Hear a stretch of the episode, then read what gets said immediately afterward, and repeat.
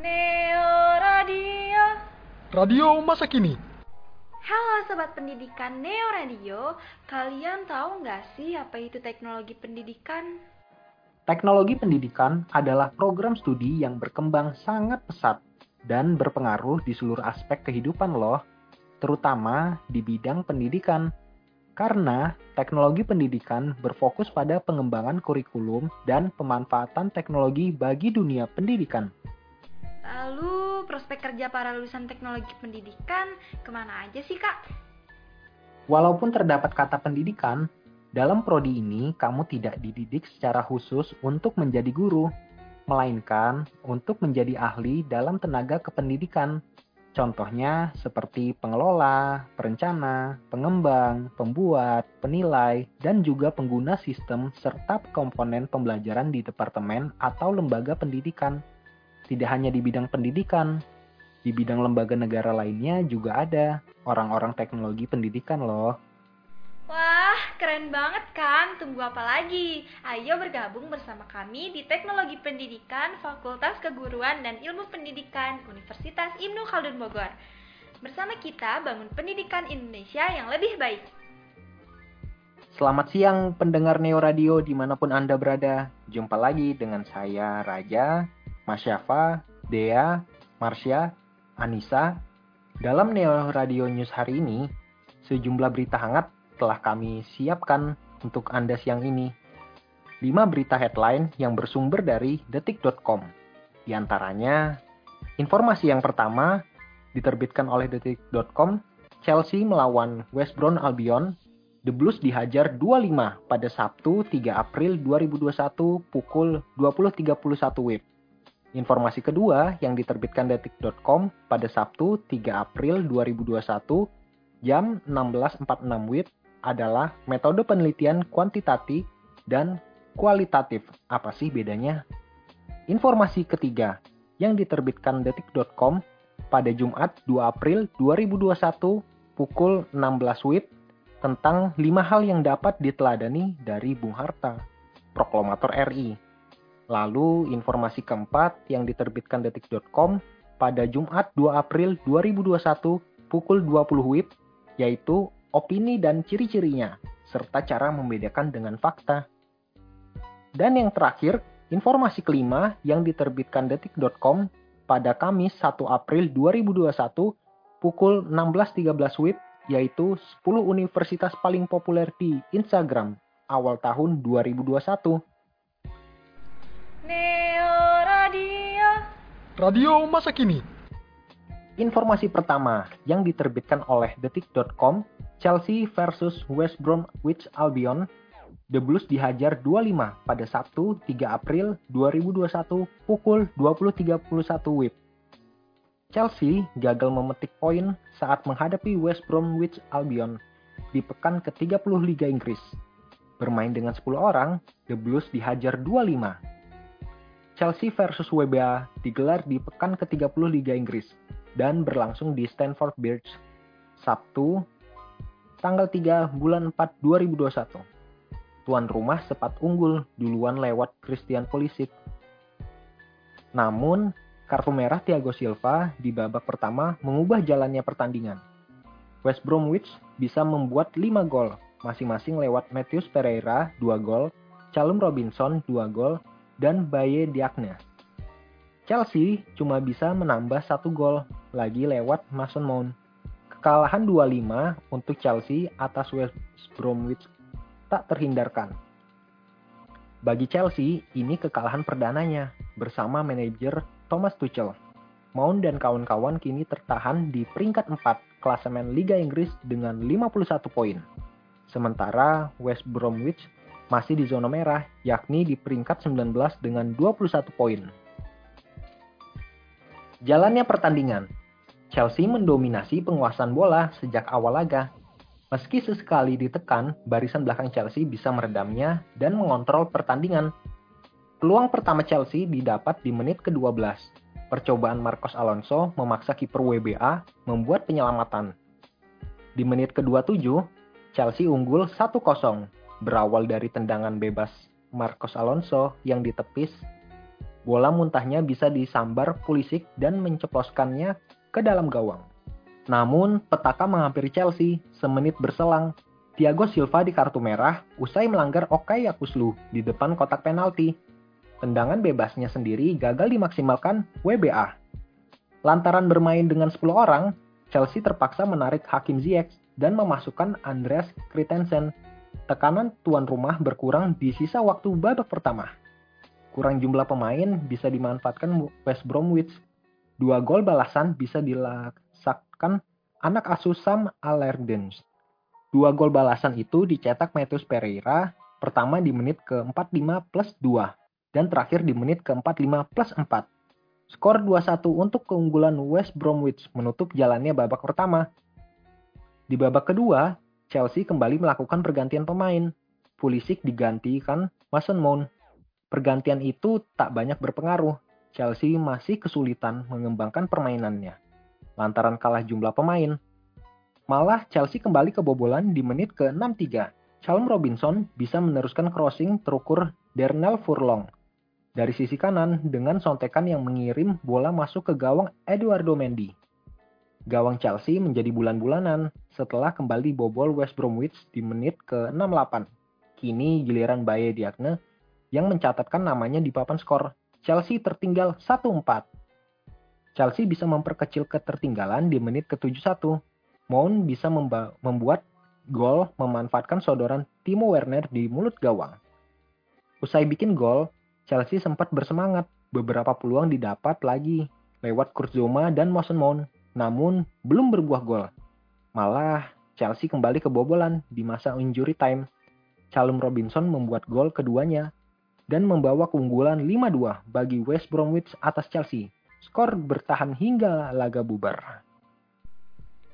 Informasi kedua yang diterbitkan detik.com pada Sabtu 3 April 2021 pukul 16.46 waktu Indonesia Barat adalah metode penelitian kuantitatif dan kualitatif. Apa sih bedanya? Nah, dalam dunia penelitian, metode memegang peranan penting karena penelitian hanya dapat berjalan jika metode jelas digunakan. Secara umum, terdapat dua yang paling sering digunakan yaitu metode penelitian kuantitatif dan kualitatif. Mungkin detikers masih belum terlalu memahami perbedaan dari keduanya dan penggunaannya yang tepat. Oleh karena itu, perlu untuk mengetahui secara lebih lanjut berkaitan dengan metode penelitian ini. Keduanya memiliki kelebihan dan kekurangannya masing-masing untuk digunakan dalam sebuah penelitian. Setiap topik penelitian biasanya akan menentukan jenis metode mana yang paling tepat untuk digunakan. Dari para detikers, mungkin ada yang merasa perlu untuk mengenal kedua metode ini lebih lanjut lagi. Nah, tenang saja karena kali ini akan dibahas keduanya dengan pembahasan yang lebih mudah. Yang pertama ada metode penelitian kuantitatif. Dalam memahami metode penelitian kuantitatif dan kualitatif, perlu untuk detikers mengetahui hal-hal dasarnya. Pada umumnya, penelitian kuantitatif berangkat dari sebuah paradigma yang sifatnya positivistik, artinya sebuah kejadian ada karena terdapat hubungan sebab akibat dengan kejadian yang lainnya. Akibat ada karena terdapat sebab yang telah terjadi di baliknya. Pada metode satu ini akan dicari mengenai sebab akibat seperti korelasi yang terjadi antar variabel yang ada di dalam kejadian tersebut. Dalam dalam proses penelitiannya, metode ini biasanya akan mengetahui sebab akibat yang sudah ditentukan sejak proses awal perencanaan penelitian. Selain itu, penelitian diawali dengan adanya hipotesis yang ditentukan untuk menjadi titik awal dari pelaksanaan penelitian. Dalam menggunakan metode penelitian kuantitatif, seorang peneliti dapat untuk mencari orang lain dalam membantu proses pengambilan data. Hal ini dikarenakan tidak perlu adanya hubungan antara seorang peneliti dengan para informannya. Selain itu, metode ini sudah melihat dan melakukan setting latar belakang untuk para responden yang akan diambil datanya. Lapangannya sudah ditentukan untuk mendapatkan akurasi data yang lebih tinggi. Hal lain yang perlu dijadikan perhatian juga adalah metode kuantitatif memiliki teori untuk dibuktikan dan juga kenyataan yang ada sifatnya objektif. Setelah proposal dan perencanaan metode ini selesai dilakukan, maka tidak dapat dilakukan perubahan lagi setelahnya. Nah, itu dia yang saya jelaskan tadi tentang kuantitatif. Pada bagian ini, kali ini akan dibahas mengenai uh, metode penelitian kualitatif. Eh, metode satu ini berangkat dari sebuah paradigma yang sifatnya interpe interpretif atau juga dikenal dengan naturalistik. Artinya, metode ini dalam melihat sebuah kejadian memahami bahwa semua peristiwa ada kaitannya dengan satu sama lain. Pada metode ini biasanya akan muncul berbagai pernyataan Maksud saya pertanyaan yang diawali dengan apa, bagaimana, dan juga mengapa peristiwa tersebut ter dapat terjadi. Nah, untuk menjawab berbagai pertanyaan tersebut, peneliti perlu untuk mengambil data di lapangan tersebut agar mendapatkan jawaban dari penelitian yang dilakukan. Metode penelitian kual metode penelitian kuantitatif tidak perlu untuk menggunakan hipotesis. Tidak seperti metode penelitian kuantitatif kan kalau metode penelitian kuantitatif perlu menggunakan hipotesis ya. Nah, kalau kualitatif ini tidak. Dalam penelitian yang menggunakan metode kualitatif, peneliti perlu untuk langsung terjun ke lapangan untuk mengambil data yang dibutuhkan. Hal ini dikarenakan hubungan yang ada antara seorang peneliti dengan informannya harus didasari dengan adanya interaksi antara keduanya. Sementara itu, latar belakang yang digunakan sifatnya lebih natural sehingga tidak perlu untuk melihat lebih dalam akan latar yang digunakan. Realita yang ditemui oleh seorang peneliti kualitatif sifatnya lebih ke kesadaran yang dimiliki oleh para individuannya. Selain itu, metode ini sifatnya untuk mengembangkan dari teori yang menjadi landasan pelaksanaannya. Pelaksanaannya berangkat dari sebuah kasus atau fenomena yang dianggap unik. Itulah informasi seputar perbedaan metode penelitian kuantitatif dan kualitatif yang bersumber dari detik.com education. Informasi ketiga yang diterbitkan detik.com edu pada Jumat 2 April 2021 jam 4 sore waktu Indonesia Barat tentang lima hal yang dapat diteladani dari Bung Hatta, Proklamator Republik Indonesia. Bung Hatta sudah tidak asing lagi dari telinga kita. Bung Hatta adalah wakil presiden Indonesia pertama dan tokoh proklamator Indonesia bersama dengan IR Soekarno. Bung Hatta memiliki nama lengkap Muhammad Hatta, Lahir di Bukit Tinggi 12 Agustus 1902. Bung Hatta adalah anak dari Muhammad Zamil dan Siti Saleha.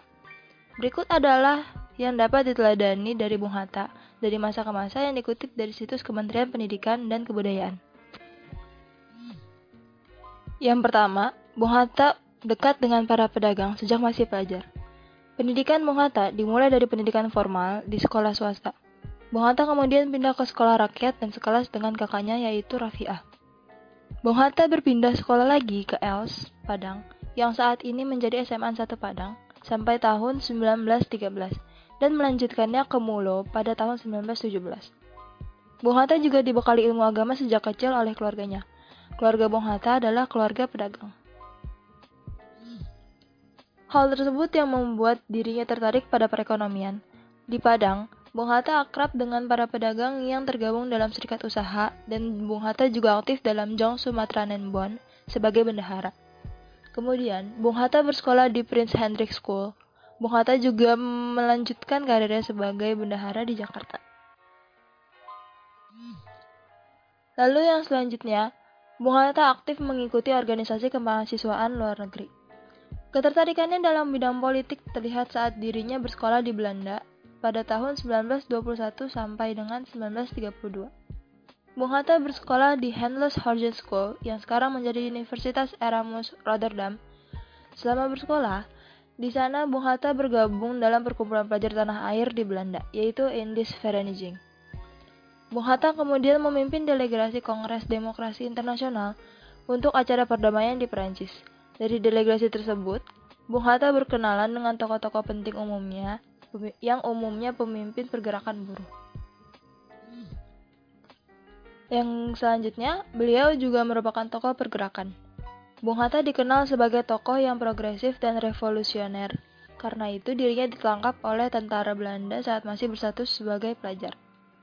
Kemudian dirinya ditahan selama lima setengah bulan dan diajukan sidang ke pengadilan. Bung Hatta menolak didampingi seorang pengacara sehingga dia melakukan pembelaannya sendiri. Pada tanggal 22 Maret 1928, Mahkamah Pengadilan di Den Haag membebaskan dia dari segala tuduhan. Dalam sidang yang bersejarah itu, Bung Hatta mengemukakan pidato pembelaan yang mengagumkan yang kemudian diterbitkan sebagai brosur dengan nama Indonesia Fridge. Pidatonya kemudian diterjemahkan ke dalam bahasa Indonesia dan menjadi buku, judul buku yaitu Indonesia Merdeka. Yang keempat, Bung Hatta merupakan seorang penulis yang cerdas. Setelah pulang dari Belanda pada Juli tahun 1932, Bung Hatta aktif menjadi penulis artikel politik dan ekonomi untuk Daulat Rakyat dan tergabung dalam organisasi Klub Pendidikan Nasional Indonesia. Tujuan organisasi ini adalah untuk meningkatkan kesadaran berpolitik. Reaksi Hatta yang keras terhadap sikap Soekarno sehubungan dengan penahanannya oleh pemerintah kolonial Belanda yang berakhir dengan pembuangan Soekarno di Ende Flores Terlihat pada tulisan-tulisannya di Daulat Rakyat yang berjudul Soekarno ditahan pada tanggal 10 Agustus 1933, Tragedi Soekarno 30 November 1933, dan Sikap Pemimpin 10 Desember 1933. Belanda kemudian geram dengan sikap Bung Hatta dan kemudian membuang Hatta dan beberapa orang dari Partai Pendidikan Nasional Indonesia ke Bovendigul. Sebelum itu, Bung Hatta dan yang lainnya sempat dipenjara di Gondok dan di Cipinang. Bung Hatta lalu menulis buku krisis ekonomi dan kapitalisme selama di penjara Glodok. Pada tahun pengasingan di Goel, Hatta aktif menulis di berbagai surat kabar. Bung Hatta juga merupakan sosok yang gemar berbagi. Selama diasingkan di Digul, Bung Hatta juga rajin membaca buku yang ia bawa dari Jakarta untuk kemudian diajarkan pada teman-temannya mengenai ilmu ekonomi, sejarah, dan filsafat. Kumpulan buku-buku pelajaran itu di kemudian hari dibukukan dengan judul-judul antara lain Pengantar di Jalan Ilmu dan Pengetahuan dan Ala Pikiran Yunani. Terdapat empat jilid. Selanjutnya, pada tahun 1935, saat pemerintahan kolonial Belanda berganti, Hatta dan Syahrir dipindah lokasikan ke Banda Neira, Maluku. Di sanalah Hatta mulai memberi pelajaran kepada anak-anak setempat dalam bidang sejarah, politik, dan lainnya. Setelah 8 tahun diasingkan, Hatta dibawa kembali ke Sukabumi pada tahun 1942. Selang satu bulan, pemerintah kolonial Belanda menyerah kepada Jepang. Pada saat itulah Hatta dibawa ke Jakarta. Itu tadi adalah hal yang dapat diteladani dari Bung Hatta. Apakah Sobat Education Neo Radio terinspirasi? Seputar lima hal yang dapat diteladani dari Bung Hatta yang bersumber dari Detik Edu. Lalu, informasi keempat yang diterbitkan detik.com edu pada Jumat 2 April 2021 jam 8 waktu Indonesia Barat yaitu tentang opini dan ciri-cirinya serta cara membedakan dengan fakta. Nah, pasti kita pernah mendengarkan istilah opini dan fakta dalam kehidupan sehari-hari. Apa perbedaan opini dan fakta serta ciri-cirinya masing-masing? Opini dan fakta, kedua istilah ini sering menjadi rujukan untuk menilai kebenaran suatu berita yang ditulis maupun disiarkan. Dari perbincangan sehari-hari, kedua sebutan ini juga kerap ditemukan dari pernyataan diri sendiri maupun orang lain. Menurut buku Bahasa Indonesia Kemendikbud, opini adalah pendapat, pendirian, atau sikap seseorang terhadap suatu hal. Biasanya opini ini akan disampaikan seseorang untuk menanggapi suatu permasalahan. Opini ini bersifat subjektif karena memiliki perbedaan antara satu orang dengan yang lainnya. Hal ini disebabkan oleh perbedaan pola pikir, pengetahuan, latar belakang, dan lingkungan. Lalu, ada pun ciri-ciri dari opini. Yang pertama, bersifat subjektif menurut pihak tertentu. Kedua, kata-kata yang digunakan bersifat relatif. Ketiga, tidak memiliki narasumber. Keempat, menunjukkan peristiwa yang belum pasti terjadi. Kelima, mengandung pendapat pribadi ataupun orang lain. Keenam, kebenarannya tidak dapat dibuktikan. Ketujuh, menjelaskan tentang hal tertentu. Kedelapan, biasanya ditandai dengan penggunaan kata-kata sepertinya, mungkin, bisa jadi, seharusnya, sebaiknya, dan lain-lain. Jika diibaratkan, perbedaan opini dengan fakta adalah seperti perbedaan gambar lukisan dan gambar foto. Dalam lukisan, pelukis memiliki gambaran apa yang mereka pilih dan amati. Pelukis bisa jadi memperbesar, mengurangi, memperhitam, mengubah, atau mengganti bentuk subjek sesukanya. Begitulah kedudukan opini. Sementara fakta diibaratkan seperti gambar foto Meski juru foto dapat memilih sudut pandang, cahaya, komposisi, dan kecepatan membidik, tetapi kebebasan mereka tetap dibatasi oleh subjek. Maka, tujuan mereka lebih terbatas, yaitu menggambarkan subjek seadanya sesuai kenyataan kepada semua orang. Lalu, apa pengertian fakta? Fakta adalah hal atau sesuatu yang benar-benar terjadi atau dapat dibuktikan kebenarannya. Fakta merupakan pernyataan yang menampilkan situasi real dari masalah atau kejadian. Biasanya, fakta sudah teruji dan terbukti kebenarannya karena berisi data-data. Di dalam fakta tidak tidak ada pendapat atau pandangan orang lain. Ciri-ciri fakta 1.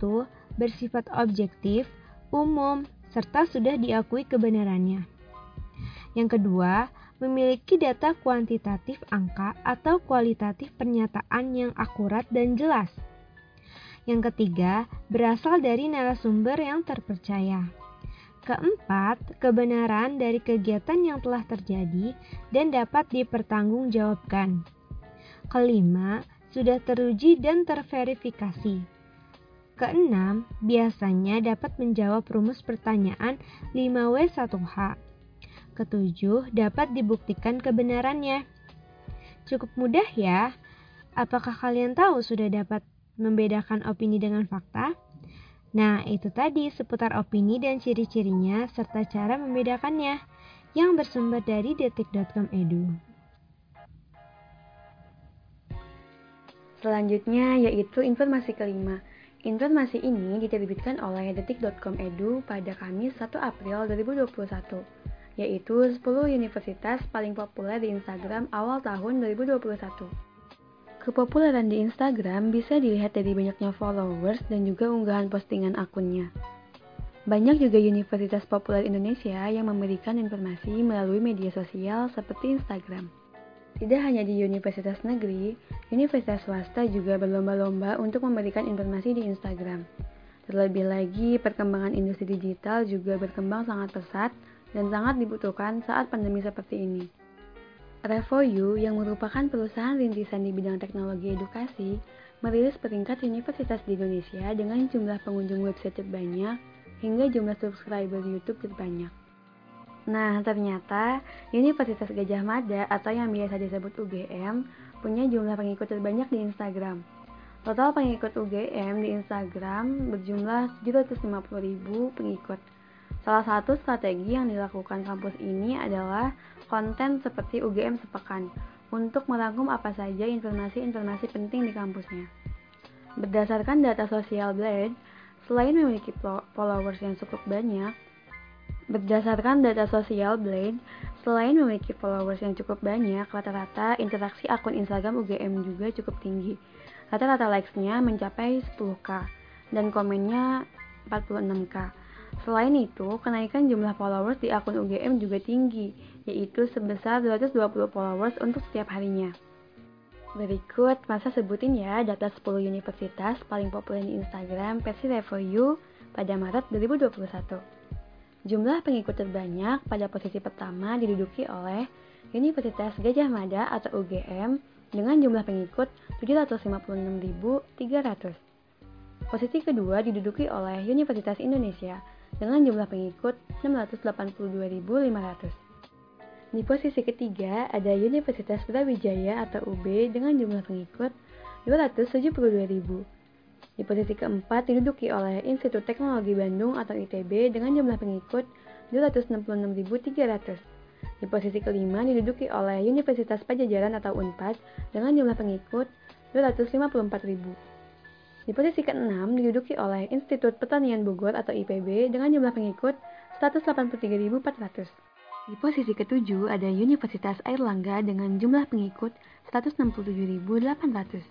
Di posisi ke-8 ada Universitas 11 Maret dengan jumlah pengikut 152.800.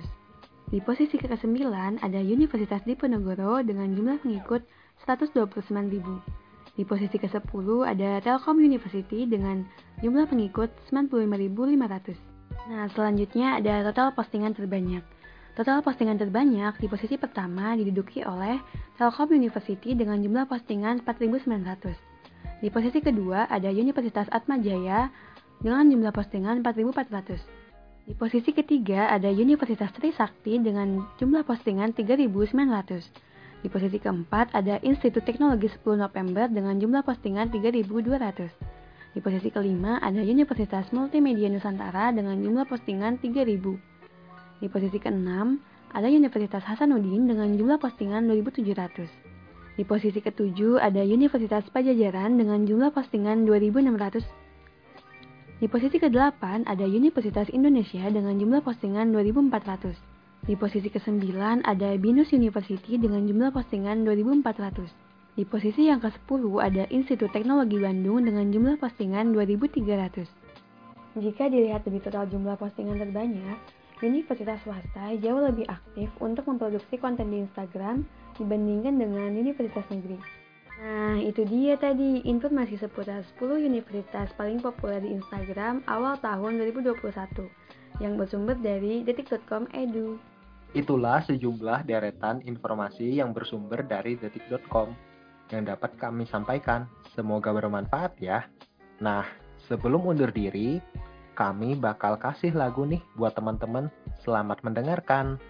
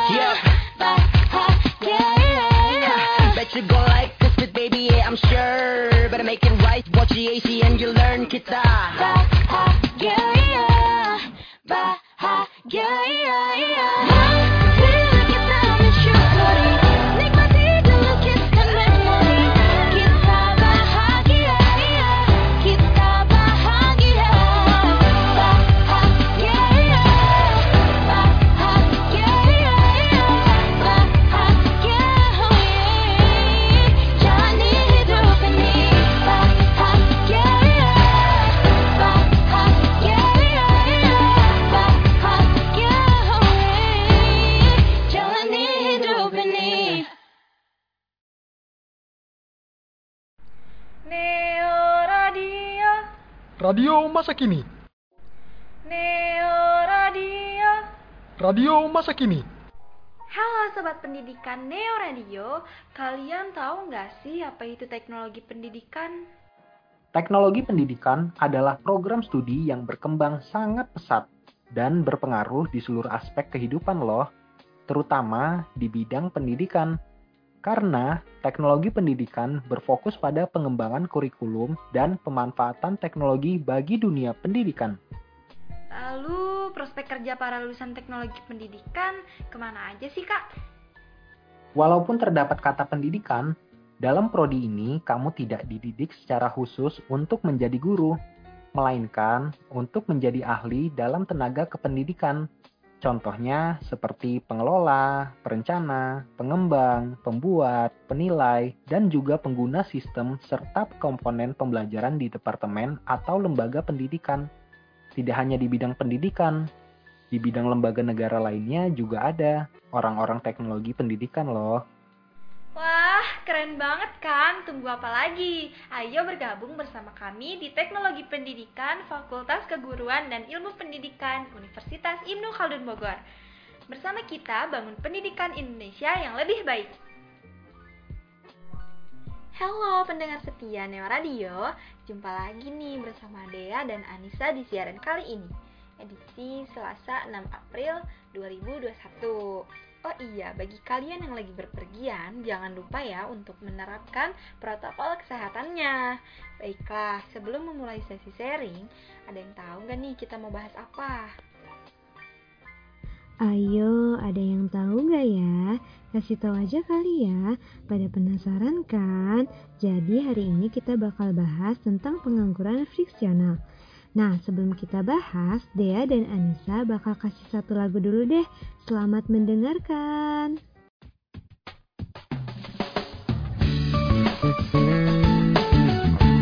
Ketika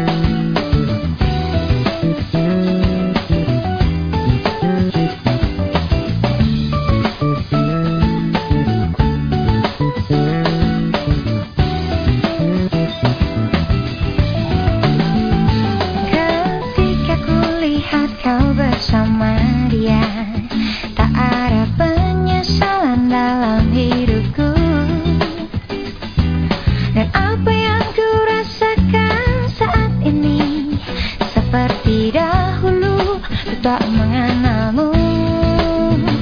Ketika kulihat kau bersama dia Tak ada lagi hasrat dalam hidupku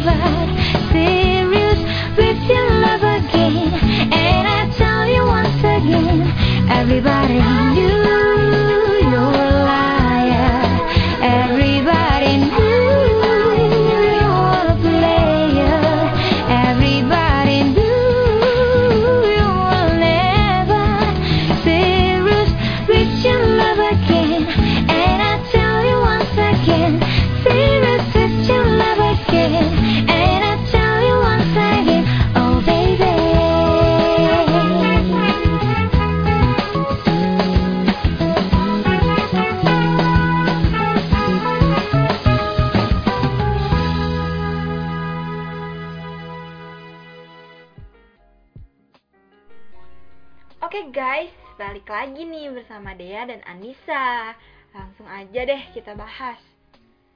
Nah, sebelum adanya pandemi, penduduk Indonesia sudah banyak sekali yang berpengangguran. Apalagi COVID-19 datang ke Indonesia. Pertama banyak lagi deh penduduk Indonesia yang pengangguran. Gak cuma itu penyebab pengangguran di Indonesia, penyebabnya berbeda-beda. Salah satunya ada juga nih yang sulit mempertemukan pencari kerja dengan lowongan pekerjaan. Itu disebut pengangguran friksional. Sebelum pembahasannya lebih jauh, dia mau kasih tahu dulu nih, apa sih arti dari pengangguran itu? Nah, pengangguran adalah orang yang masuk dalam angkatan kerja atau usia produktif 15 sampai 64 tahun yang tidak mempunyai pekerjaan atau sedang mencari kerja. Yap, benar banget. Nah, sekarang kita bahas apa apa sih penyebab terjadinya pengangguran friksional itu? Penyebabnya yaitu pekerja yang menganggur belum menemukan pekerjaan baru yang cocok. Biasanya butuh waktu bagi pekerja yang ingin berpindah dari satu posisi ke posisi yang lain, terutama bila mencari pekerjaan dengan gaji yang lebih tinggi. Wah, iya bener banget tuh. Kalau kita cari gaji yang lebih tinggi, biasanya susah banget ya, tapi harus semangat ya teman-teman. Bagi Allah nggak ada kok yang nggak mungkin. Jadi harus semangat terus. Sebelum pembahasannya kita lanjut, Dea dan Anissa bakal kasih lagu dulu nih dari Rumor Butiran Debu. Tetap stay tune di Neo Radio ya teman-teman.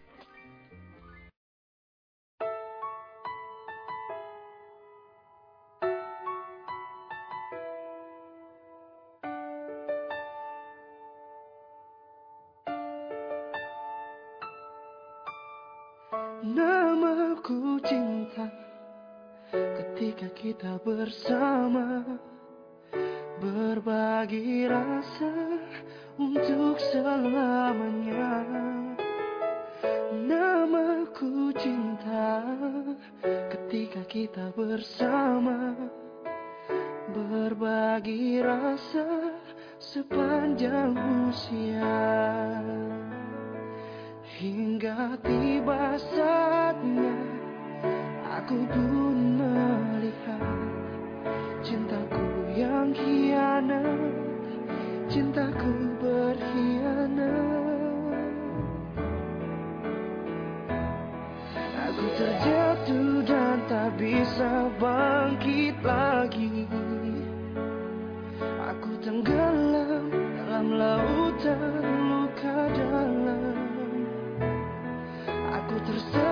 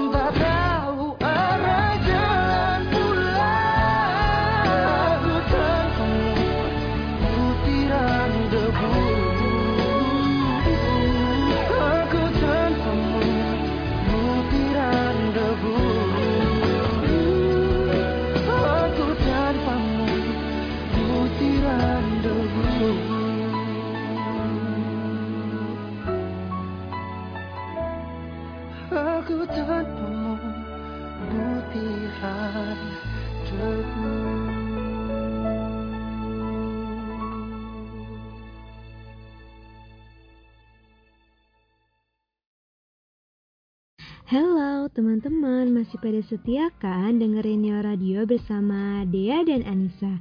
Tentunya dong. Pastinya dong nih, pada setia pendengar Neo Radio mah. Yuk, kita bahas lagi nih penyebab terjadinya pengangguran friksional. Biasanya para lulusan yang baru memasuki angkatan kerja akan melalui proses yang cukup panjang sebelum mendapatkan pekerjaan yang tepat. Mereka harus menyiapkan daftar riwayat hidup seperti CV, cover letter, menyiapkan beberapa pekerjaan alternatif, menung- menunggu wawancara, dan yang lainnya. Iya, cukup panjang juga ya prosesnya. Pengangguran friksional juga nggak bisa dihindari loh teman-teman. Karena biasanya ada jeda waktu orang sebelum menemukan pekerjaan yang tepat. Atau bisa juga karena letak geografis dan kekurangan informasi dari para pencari kerja. Nah, penyebab pengangguran friksional pun ada dalam proses rekrutmen dan negosiasi yang berlangsung cukup lama nih teman-teman. Misalnya seseorang yang sudah sampai pada tahap wawancara dan negosiasi gaji, namun ternyata tidak sesuai, maka tentu pencari kerja akan ditolak dan menjadi pengangguran. Penyebab yang terakhir yaitu tidak ada urgensi untuk mencari pekerjaan baru. Biasanya para pencari kerja sebelum berhenti dari pekerjaan lama akan menabung untuk mengantisipasi kemungkinan tidak mendapat kerja. Maka orang-orang ini relatif lebih santai dan tidak terburu-buru mencari kerja sampai dapat menemukan posisi serta gaji yang diharapkan. Proses ini membuat mereka menjadi kategori pengangguran. Nah, itu dia teman-teman penjelasan tentang pengangguran fiksional. Sekarang Dea dan Anissa bakal kasih solusinya nih. Pada penasaran kan solusinya kayak gimana? Tapi jangan ke mana-mana dulu ya. Dea dan Anissa bakal kasih sebuah lagu dulu nih. Tetap stay tune ya, karena kita bakal kasih solusinya. Selamat mendengarkan.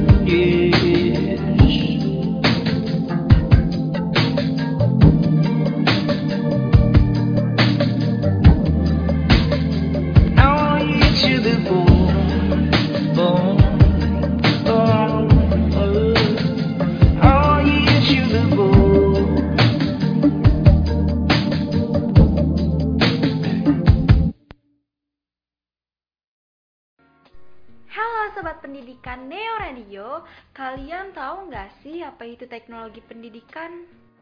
Teknologi pendidikan adalah program studi yang berkembang sangat pesat dan berpengaruh di seluruh aspek kehidupan loh, terutama di bidang pendidikan.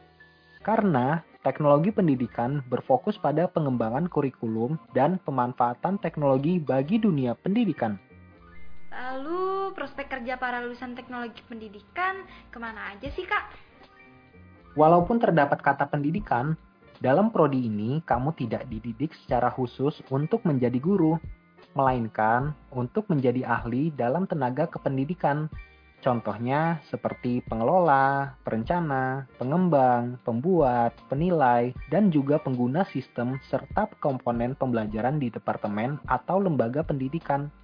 Tidak hanya di bidang pendidikan, di bidang lembaga negara lainnya juga ada orang-orang teknologi pendidikan loh. Wah, keren banget kan? Tunggu apa lagi? Ayo bergabung bersama kami di Teknologi Pendidikan Fakultas Keguruan dan Ilmu Pendidikan Universitas Ibnu Khaldun Bogor. Bersama kita bangun pendidikan Indonesia yang lebih baik. Oke guys, Dea dan Anissa bakal kasih solusi ini untuk mengatasi pengangguran fiksional. Untuk yang akan mencari pegawai, salah satu caranya adalah sediakan informasi lowongan kerja yang lebih baik kepada masyarakat luas atau untuk para pencari kerja. Yaps, bener banget itu nih, biar para pekerja akan mudah mencari lowongan pekerjaan. Terlebih lagi, saat ini internet telah canggih berupa situs yang menyediakan lowongan pekerjaan, keahlian, dan persyaratan lainnya maka situs-situs seperti ini akan mempermudah para pekerja dalam melalui berbagai proses dan menjadi lebih efektif dan efisien. Cara ini dapat ditingkatkan agar dapat membantu mengurangi pengangguran friksional di Indonesia.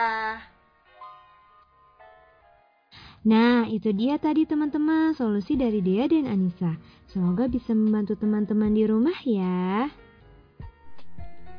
Oke deh teman-teman, kayaknya Dea dan Anissa sudah di ujung siaran nih.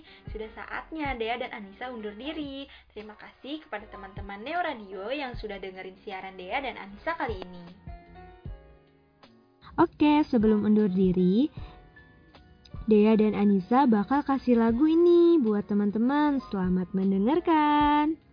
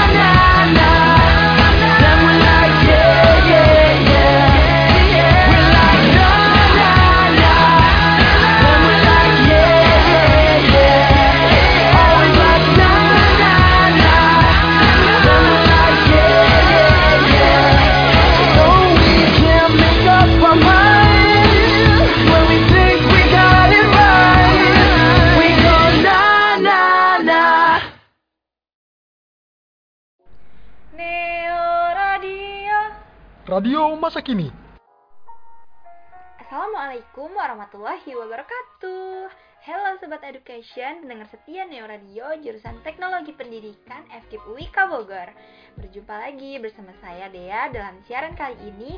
Sederet berita hangat akan Dea sajikan untuk Anda pada kesempatan hari ini, edisi Selasa 6 April 2021. Eh, siaran kali ini Dea nggak sendirian loh. Dea bersama Anissa di sini. Halo Sobat Muda Education, Anissa dan Dea akan menemani pendengar setia selama 30 menit ke depan. Pendengar setia juga bisa mendengarkan informasi seputar kesehatan. Nah, pada penasaran kan tentang informasi yang akan kita bahas? Makanya jangan ke mana-mana ya, tetap stay tune di Neo Radio. Sebelumnya, untuk membuka topik malam hari ini, dia bakal puterin satu lagu nih dari Tenang Yura Yunita. Cekidot!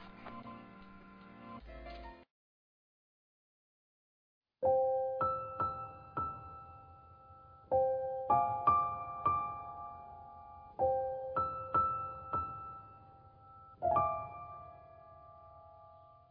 Dialog dini hari. Kepada diriku sendiri tak bisa ku tertidur lagi. Melayang pikirku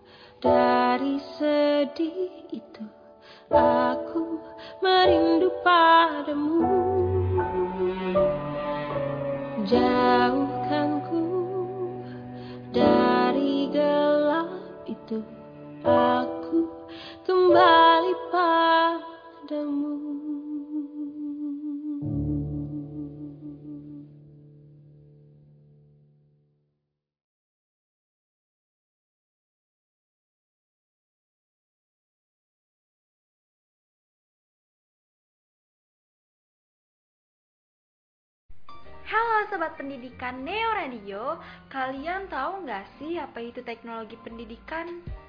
Teknologi pendidikan adalah program studi yang berkembang sangat pesat dan berpengaruh di seluruh aspek kehidupan loh, terutama di bidang pendidikan.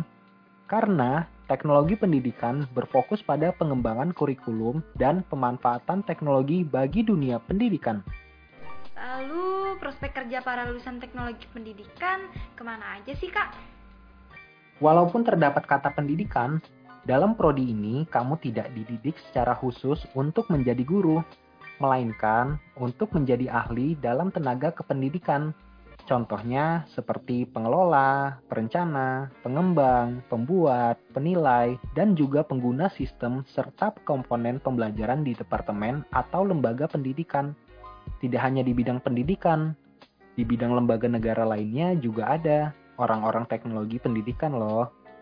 Wah, keren banget kan? Tunggu apa lagi? Ayo bergabung bersama kami di Teknologi Pendidikan Fakultas Keguruan dan Ilmu Pendidikan Universitas Ibnu Khaldun Bogor. Bersama kita bangun pendidikan Indonesia yang lebih baik. Halo Sobat Education, kembali lagi nih bersama Dea. Itu dia lagu dari Yura Yunita yang baru rilis baru-baru ini. Semoga malam ini tenangnya datang kepada pendengar setia semua ya. Nah, dia bakal kasih tahu nih informasi terbaru dari bidang kesehatan. Kabar baik datang dari salah satu produsen vaksin COVID-19 asal Amerika Serikat yaitu Pfizer yang baru mengumumkan hasil uji klinisnya pada anak dan remaja. Disebutkan vaksin ini aman dan efektif bagi anak usia 12 tahun sampai 15 tahun. Temuan ini cukup penting karena di banyak tempat sekolah tatap muka akan kembali dibuka, tidak terkecuali di Indonesia. Rencana ini dibayangi kekhawatiran karena hingga kini belum ada satupun vaksin COVID-19 yang disetujui penggunanya pada anak dan remaja di bawah usia 18 tahun. Selain Pfizer, sejumlah produsen vaksin COVID-19 juga berlomba-lomba mendapatkan data keamanan dan kemanjuran produknya pada anak dan remaja. Uji klinis vaksin telah dan sedang dilakukan di sejumlah negara demi mendapatkan persetujuan untuk dipakai pada anak-anak. Moderna misalnya, baru-baru ini telah mengawali uji klinis vaksin berbasis mRNA pada anak usia 6 bulan hingga 11 tahun. Dikutip dari CNN, uji klinis ini melibatkan partisipan sebanyak 4.640 anak, 44 anak, dan diperkirakan selesai akhir 2021. Anissa dan Sobat Education semua, selain itu Johnson Johnson juga telah mengumumkan rencananya untuk memulai uji coba pada anak usia 12 hingga 18 tahun. Demikian juga perusahaan asal Inggris AstraZeneca yang akan segera melakukan uji klinis pada usia 6 sampai 17 tahun. Mengingat sudah ada vaksin yang menyelesaikan uji klinis pada anak, kapan Indonesia akan menyuntikannya pada anak sekolah? Kapan ya? Gini dia, menurut juru bicara vaksinasi COVID-19, Kementerian Kesehatan, Dr. Siti Nadia Tarmizi, belum bisa memastikan hal itu.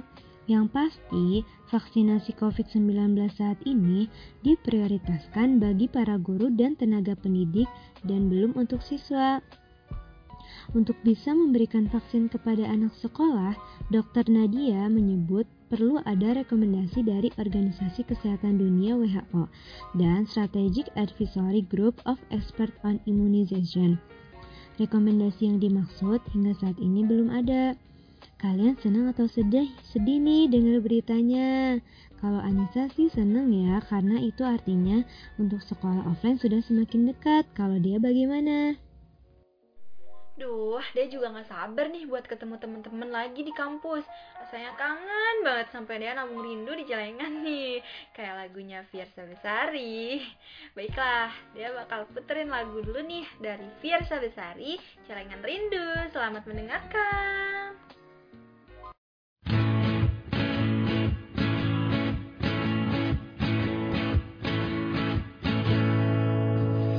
Aku kesal dengan jarak sering memisahkan kita hingga aku hanya bisa berbincang denganmu di WhatsApp. Aku kesal dengan waktu yang tak pernah berhenti bergerak bareng sejenak agar ku bisa menikmati tawamu ingin ku di sebelahmu menggenggam erat jari-jarimu mendengarkan lagu Sheila on Seven seperti waktu itu. Saat kau di sisiku dan tunggulah aku di sana memecahkan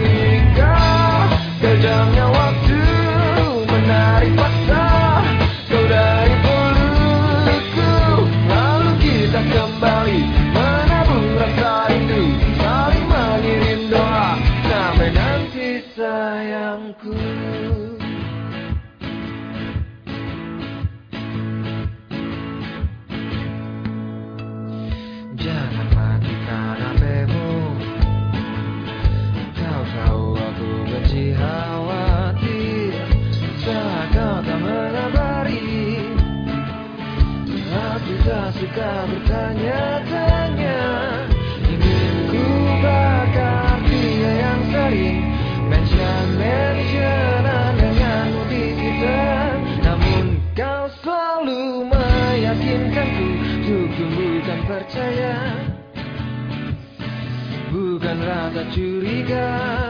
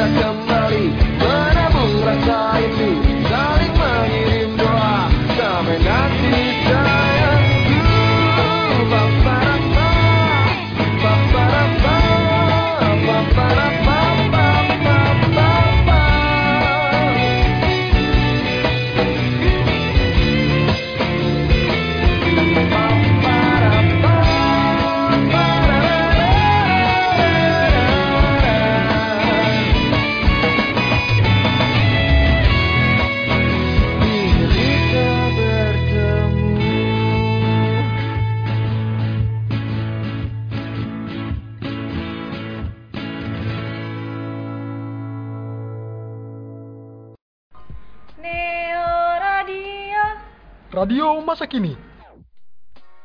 Halo Sobat Education, pendengar setia Neo Radio Kembali lagi nih bersama Dea Itu dia celengan rindu dari Fiersa Bisari Semoga yang lagi nabung rindu juga kayak Dea Bisa cepet-cepet dipecahin ya celengannya Katanya Anissa punya tips nih buat Sobat Education Tips apa sih Kak Anissa? Iya nih, Anissa punya tips buat sobat muda education. Tipsnya itu tips untuk mengatasi kesulitan tidur di malam hari. Ayo, siapa nih yang suka insomnia alias susah tidur? Biasanya kalau susah tidur itu penyebabnya udah jauh dari overthinking atau udah mau tidur tapi masih keinget tugas yang belum kelar. Hei, siapa nih yang suka begini? Sobat Muda Education semua, tidur dengan cukup sangat penting bagi kesehatan tubuh kita. Selain baik untuk kesehatan, tidur dengan cukup juga dapat memberi pengaruh baik bagi kulit wajah. Namun terkadang kita mengalami kesulitan untuk tidur di malam hari ya, karena kesulitan tidur pada akhirnya kita begadang dan tidur sangat larut malam. Jika sobat muda education sering mengalami ini dan ingin memperbaiki pola tidur agar lebih baik, simak tips berikutnya ya. Nah, tips yang pertama, batasi penggunaan gadget. Saat waktunya tidur, sebaiknya menghindari penggunaan gadget. Menggunakan gadget seperti handphone cenderung membuat kita tidak mengantuk dan semakin terjaga karena banyak sekali hal menarik di dalamnya. Untuk itu, disiplin pada diri sendiri itu sangat penting. Saat sudah mulai mengantuk, jauhkanlah gadget dari genggaman tanganmu, sobat muda education. Tips yang kedua adalah berolahraga secara teratur. Berolahraga secara teratur dapat menurunkan stres serta membuat kualitas tidur semakin baik. Namun disarankan untuk tidak berolahraga terlalu malam ya Sobat Muda Education. Berolahraga terlalu malam dapat mengganggu waktu tidur dan mengganggu kualitas tidurmu.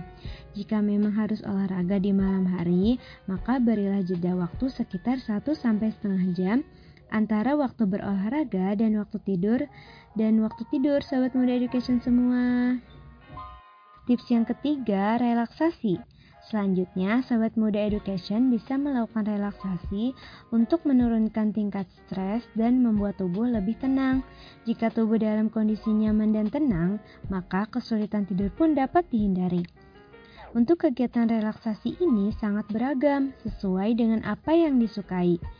Sobat Muda Education bisa melakukan yoga, mendengarkan musik, berendam di air hangat, atau aktivitas lainnya yang disukai. Namun sebelum masuk ke tips berikutnya, Anissa mau puterin lagu nih. Judulnya Rehat dari Kunto Aji. Selamat mendengarkan ya.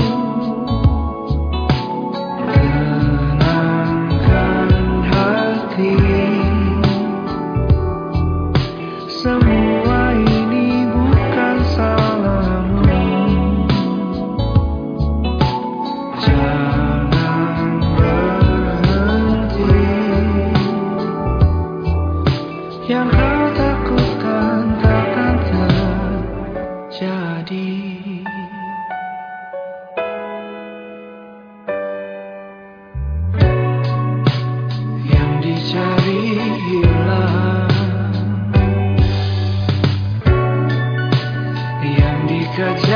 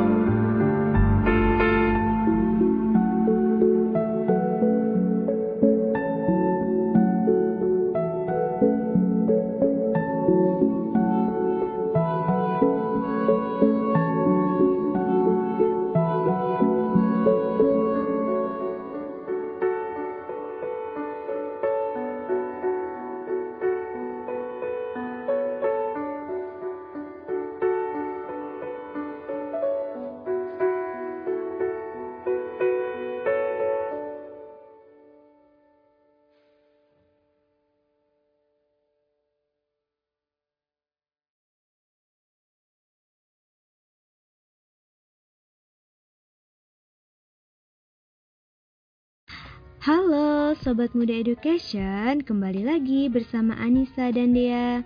Itu dia tadi lagu dari Kunto Aji. Semoga membantu relaksasi pendengar setia semua ya. Nah, tips selanjutnya bakal dikasih tahu nih sama Dea. Gimana nih tipsnya Dea? Jadi gini Anissa, setelah dengar tiga tips mengatasi kesulitan tidur dari Anissa tadi, dia juga suka lakuin beberapa tips ini kalau dia lagi susah tidur. Kasih tahu ya. Tips yang pertama, batasi konsumsi kafein. Ayo nih, siapa sobat education yang hobinya ngopi? Untuk sobat education yang suka mengkonsumsi kopi dan minuman berkafein lainnya, mulailah untuk membatasi diri. Usahakan untuk tidak mengkonsumsi kopi di atas pukul 2 siang karena dapat menghilangkan rasa ngantuk dan membuatmu terjaga di malam hari. Selanjutnya, tips yang kedua yaitu suasana kamar tidur. Tips terakhir adalah dengan memastikan kenyamanan dalam suasana kamar tidurmu, kamar tidur yang tidak nyaman dapat membuat kita kesulitan tidur loh. Maka dari itu, jika sobat education kurang nyaman dengan suasana kamar saat ini, cobalah untuk mengganti penataan dan suasananya agar lebih nyaman. Jangan lupa untuk memastikan pencahayaan dan suhu kamar agar lebih nyaman untuk tidur. Jadi, itulah beberapa tips yang bisa Sobat Education lakukan untuk mengatasi kesulitan tidur. Semoga tips dari Dea dan Anissa ini bermanfaat untuk Sobat Education semua ya. Neo Radio Radio masa kini. Halo Sobat Pendidikan Neo Radio, kalian tahu nggak sih apa itu teknologi pendidikan? Teknologi pendidikan adalah program studi yang berkembang sangat pesat dan berpengaruh di seluruh aspek kehidupan loh, terutama di bidang pendidikan. Karena teknologi pendidikan berfokus pada pengembangan kurikulum dan pemanfaatan teknologi bagi dunia pendidikan. Lalu prospek kerja para lulusan teknologi pendidikan ke mana aja sih kak? Walaupun terdapat kata pendidikan, dalam prodi ini kamu tidak dididik secara khusus untuk menjadi guru, melainkan untuk menjadi ahli dalam tenaga kependidikan. Contohnya seperti pengelola, perencana, pengembang, pembuat, penilai, dan juga pengguna sistem serta komponen pembelajaran di departemen atau lembaga pendidikan. Tidak hanya di bidang pendidikan, di bidang lembaga negara lainnya juga ada orang-orang teknologi pendidikan loh. Wah, keren banget kan? Tunggu apa lagi? Ayo bergabung bersama kami di Teknologi Pendidikan Fakultas Keguruan dan Ilmu Pendidikan Universitas Ibnu Khaldun Bogor. Bersama kita bangun pendidikan Indonesia yang lebih baik. Halo, kembali lagi bersama Dea dan Anissa di sini. Nggak kerasa ya, sudah 30 menit bersama kita berdua. Kita pamit undur diri ya.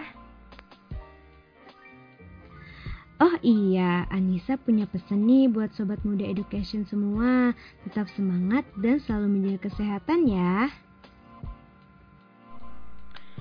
Jangan lupa juga untuk menerapkan protokol kesehatan di mana pun kalian berada. So, Dea, Dan Anissa pamit undur diri.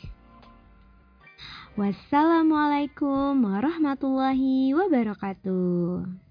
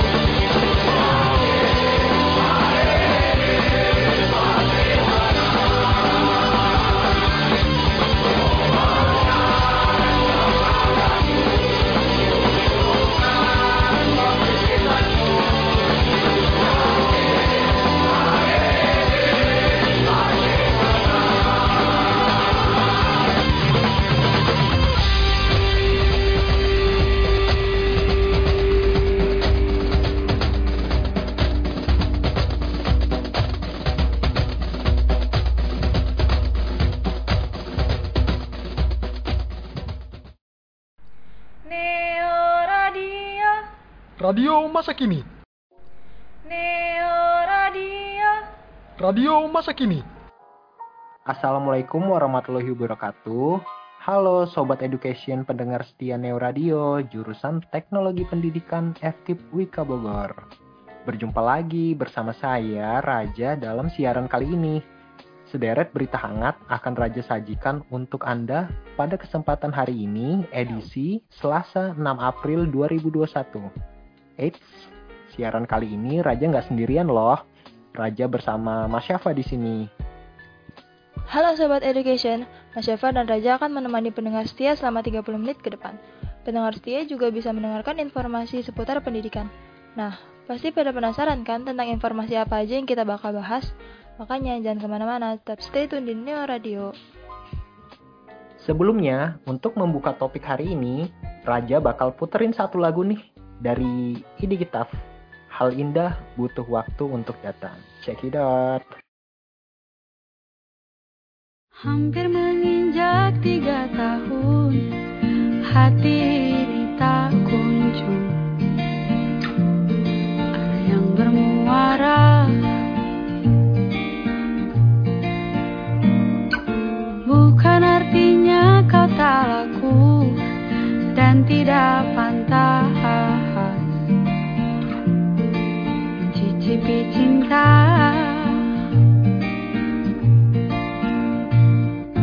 Seribu cara buat dirimu terlihat mempesona. Tapi kau menderita karena itu bukan kau yang sebenarnya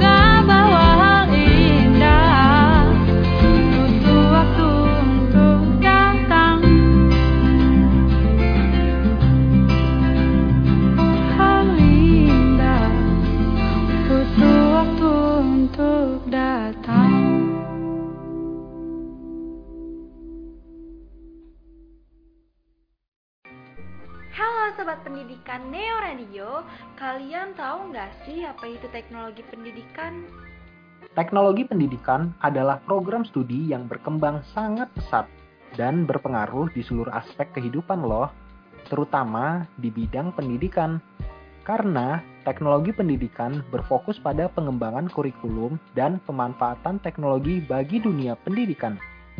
Lalu prospek kerja para lulusan teknologi pendidikan ke mana aja sih kak? Walaupun terdapat kata pendidikan, dalam prodi ini kamu tidak dididik secara khusus untuk menjadi guru, melainkan untuk menjadi ahli dalam tenaga kependidikan. Contohnya seperti pengelola, perencana, pengembang, pembuat, penilai, dan juga pengguna sistem serta komponen pembelajaran di departemen atau lembaga pendidikan. Tidak hanya di bidang pendidikan, di bidang lembaga negara lainnya juga ada orang-orang teknologi pendidikan loh. Wah, keren banget kan? Tunggu apa lagi? Ayo bergabung bersama kami di Teknologi Pendidikan Fakultas Keguruan dan Ilmu Pendidikan Universitas Ibnu Khaldun Bogor. Bersama kita bangun pendidikan Indonesia yang lebih baik. Halo Sobat Education, kembali lagi bersama Raja. Itu dia lagu dari It Kitaf. Yang indah memang butuh waktu untuk datang ya Sobat Education. Hahaha. Nah, pada siaran kali ini, Raja bakal membahas tentang media pembelajaran. Secara sederhana, media pembelajaran adalah alat-alat bantu yang digunakan untuk menunjang pelaksanaan proses belajar mengajar, mulai dari buku sampai penggunaan perangkat elektronik. Media pembelajaran berfungsi untuk menjelaskan atau memvisualisasikan suatu materi yang sulit dipahami jika hanya menggunakan ucapan verbal. Misalnya penjelasan tentang siklus air, sistem pencernaan, ataupun sistem pernapasan pada manusia. Nah, kali ini kita akan membahas lebih jauh tentang media pembelajaran, mulai dari fungsi, manfaat, jenis-jenis, dan contoh media pembelajaran.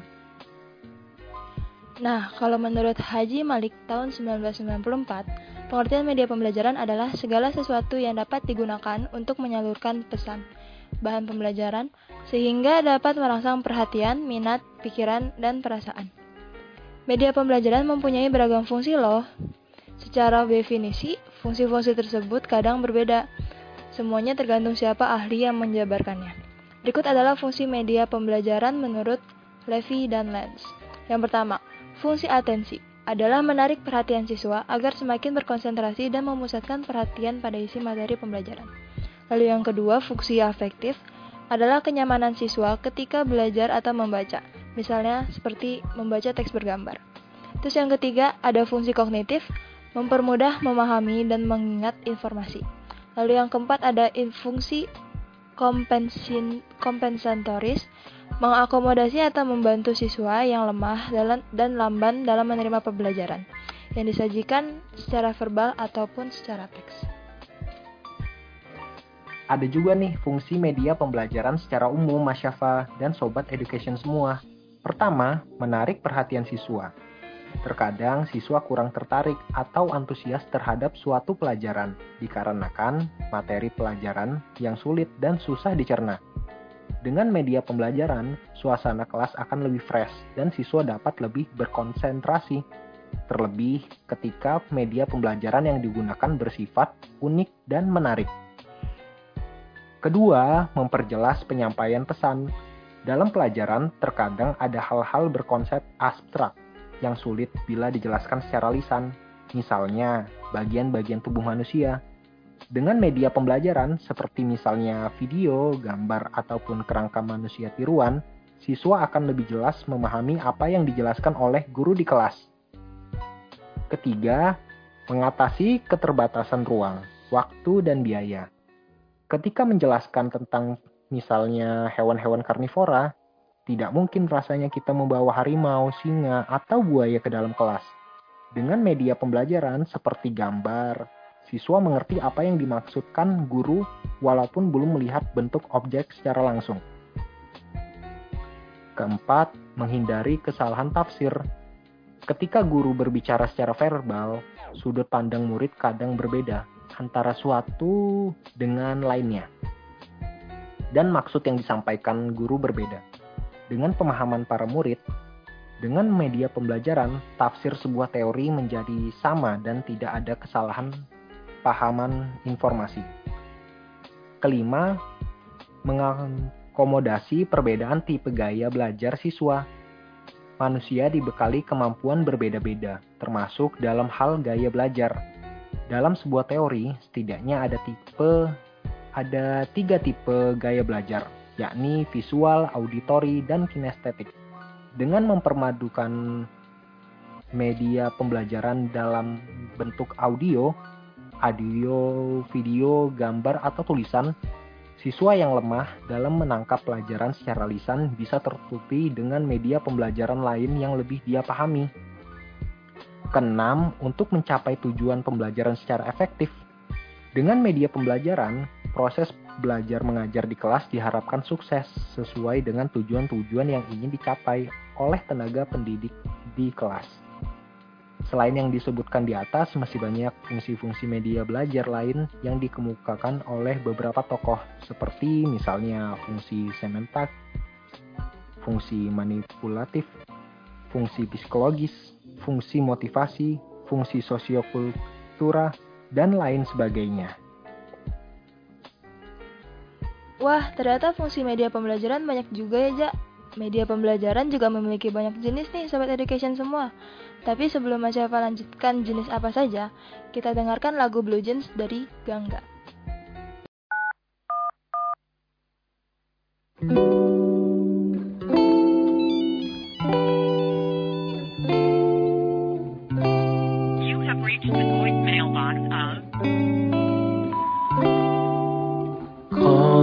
you late at night, talking about nothing, but we're always laughing. This time conversation, they my affections. Those were the good times, and I miss the old times. Have I told you lately? Did I miss you greatly? Sometimes I wish that I could still call you mine, still call you mine. Now all I've got is the stain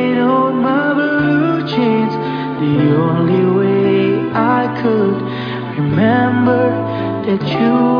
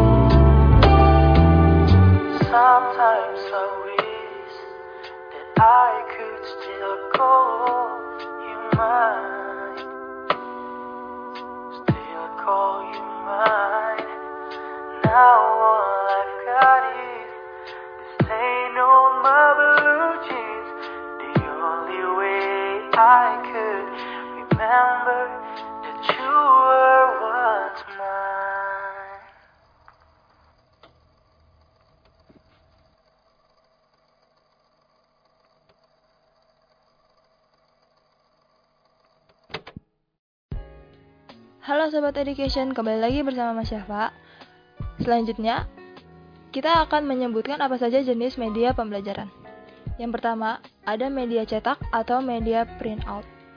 Media pembelajaran dalam bentuk cetak adalah media yang berasal dari teks, gambar, serta ilustrasi pendukung lainnya yang digunakan sebagai penyampai informasi belajar.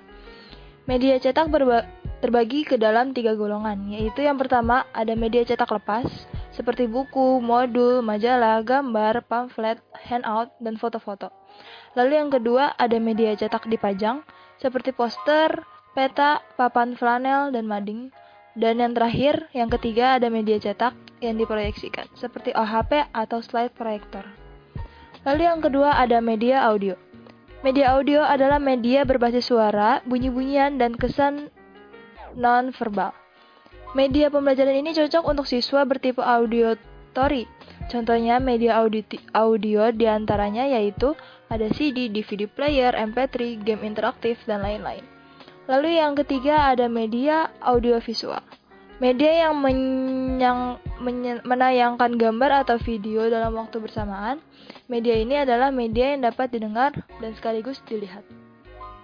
Selain itu, ada juga multimedia interaktif. Multimedia interaktif adalah media pembelajaran berbasis multimedia yang dilengkapi oleh pengontrol yang dapat dioperasikan pengguna sehingga alat dapat memberi respon dan ada hubungan timbal balik antara alat dan pengguna. Kemudian e-learning. E-learning adalah media pembelajaran berbasis elektronik yang memanfaatkan komputer atau laptop yang terhubung dengan jaringan komputer ataupun jaringan internet. Media pembelajaran ini adalah media modern yang sudah banyak diterapkan. Electronic learning atau e-learning mencakup pembelajaran berbasis website, mobile and learning, dan juga blended learning, seperti yang kita lakukan saat ini ya. Nah, yang terakhir media realita. Media pembelajaran realita adalah alat untuk atau benda yang terdapat dalam kehidupan nyata. Umumnya, benda ini adalah benda alam yang dapat ditemukan di sekitar tempat belajar atau dalam kehidupan sehari-hari, seperti tumbuhan, bebatuan, pepohonan, dan sebagainya.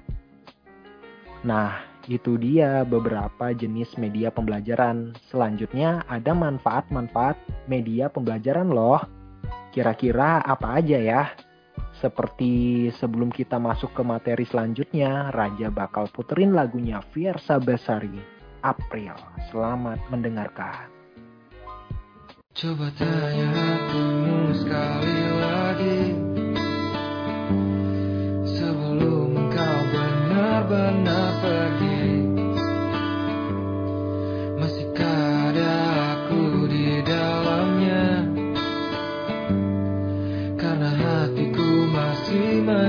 menyimpanmu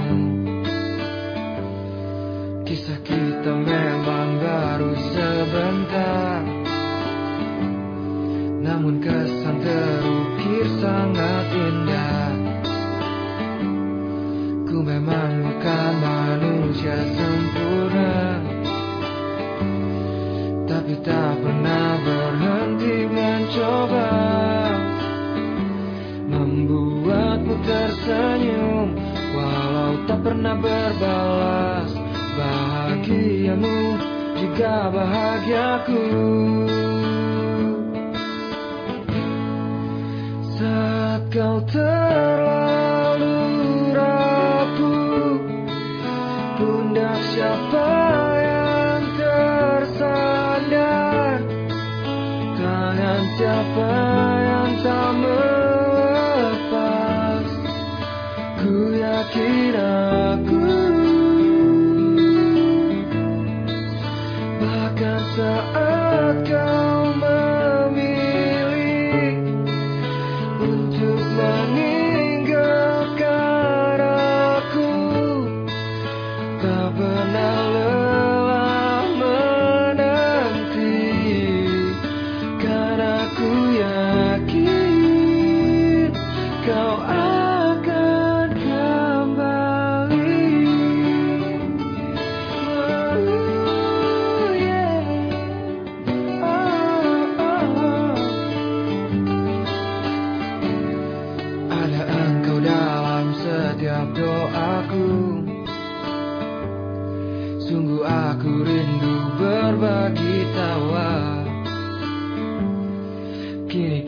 Tidak lagi menyapa. Biarlah hanya dari kejauhan. Melihatmu tersenyum Walau tak pernah berbalas. Bahagiamu juga bahagiaku Saat kau terlalu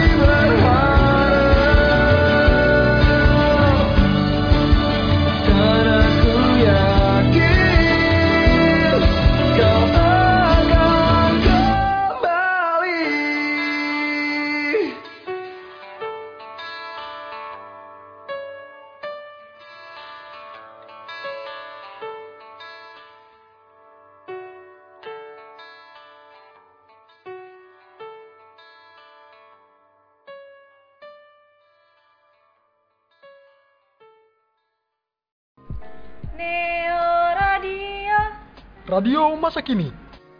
Halo Sobat Education, kembali lagi bersama Raja. Itu dia lagu April dari Versa Besari. Semoga hal yang indah datangnya di bulan April ini ya Sobat Education. Hahaha. Nah, selanjutnya Raja bakal membahas tentang manfaat media pembelajaran. Menurut Mas Syafa, manfaat media pembelajaran apa aja? Media pembelajaran mempunyai manfaat-manfaat tersendiri, entah itu bagi guru ataupun bagi siswa. Berikut ini beberapa manfaat media pembelajaran menurut para, para Camp and Dayton pada tahun 1985. Yang pertama, ada penyera- penyeragaman penyampaian materi pembelajaran. Yang kedua, ada proses belajar mengajar menjadi lebih menarik, jelas, dan interaktif. Yang ketiga, menjadi efisiensi waktu dan tenaga. Terus yang keempat ada meningkatkan kualitas hasil belajar para murid.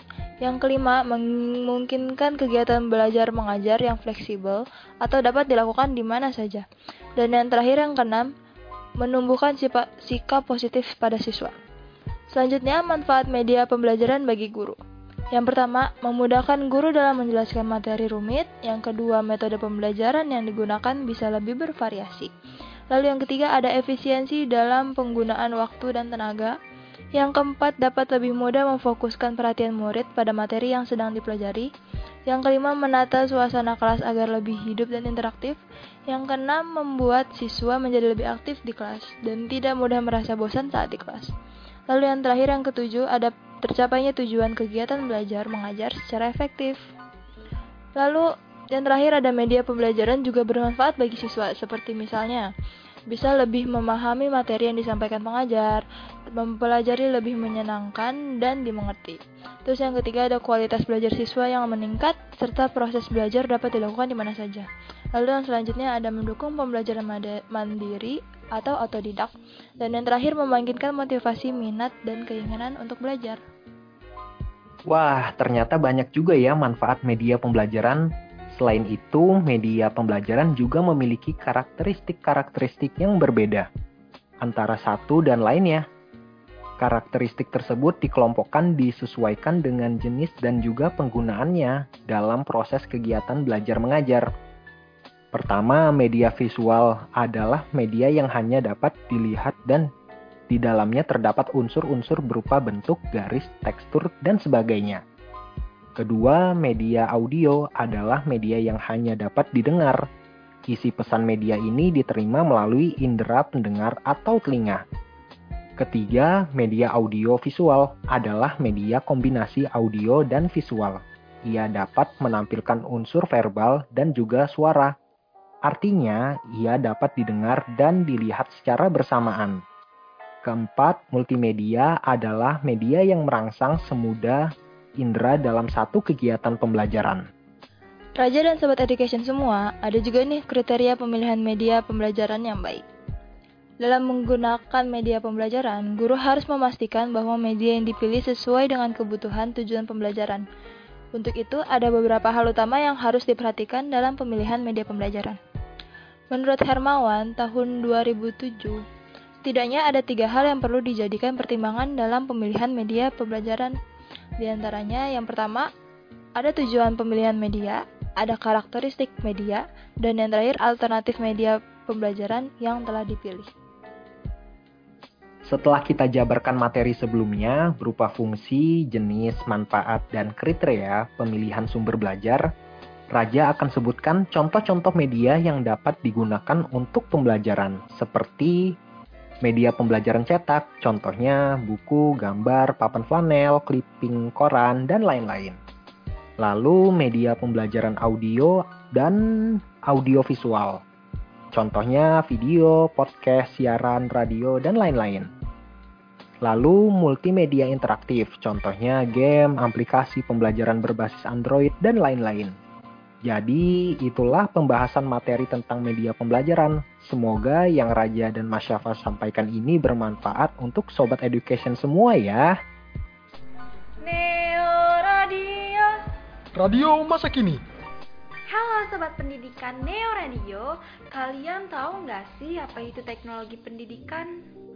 Teknologi pendidikan adalah program studi yang berkembang sangat pesat dan berpengaruh di seluruh aspek kehidupan loh, terutama di bidang pendidikan.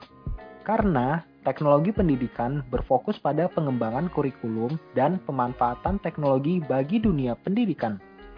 Lalu prospek kerja para lulusan teknologi pendidikan ke mana aja sih kak? Walaupun terdapat kata pendidikan, dalam prodi ini kamu tidak dididik secara khusus untuk menjadi guru, melainkan untuk menjadi ahli dalam tenaga kependidikan. Contohnya seperti pengelola, perencana, pengembang, pembuat, penilai, dan juga pengguna sistem serta komponen pembelajaran di departemen atau lembaga pendidikan. Tidak hanya di bidang pendidikan, di bidang lembaga negara lainnya juga ada orang-orang teknologi pendidikan loh. Wah, keren banget kan? Tunggu apa lagi? Ayo bergabung bersama kami di Teknologi Pendidikan Fakultas Keguruan dan Ilmu Pendidikan Universitas Ibnu Khaldun Bogor. Bersama kita bangun pendidikan Indonesia yang lebih baik. Halo, kembali lagi bersama Raja dan Mas Syafa di sini. Gak kerasa ya, sudah 30 menit bersama kita berdua. Kita pamit undur diri ya. Oh iya, aku punya pesan nih buat Sobat Education semua. Tetap semangat dan jangan lupa untuk terus belajar ya. Melalui media apa saja, yang penting ilmu pengetahuan Sobat Education semua bisa bertambah dan lebih luas lagi. Bener tuh Mas Syafa, walaupun belajarnya sedikit tapi sering insya Allah mudah dipahami dan pengetahuannya bertambah. So Raja, Dan Mas Syafa pamit undur diri. wassalamualaikum warahmatullahi wabarakatuh. Neo. Radio masa kini. Assalamualaikum warahmatullahi wabarakatuh. Halo Sobat Education pendengar setia Neo Radio Jurusan Teknologi Pendidikan FKIP UIK Bogor. Berjumpa lagi bersama saya Mas Syafa dalam siaran kali ini. Sederet informasi edukasi akan disajikan untuk kalian pada pendengar setia Neo Radio di kesempatan hari ini, Selasa 6 April 2021. Eits, siaran kali ini aku nggak sendirian loh. Aku bakal ditemenin sama Raja dan Anissa. Halo Sobat Education, kali ini kita akan menemani pendengar setia selama 30 menit ke depan. Pendengar setia juga bisa mendengarkan informasi seputar pendidikan. Nah, pada penasaran kan tentang informasi yang akan kita bahas?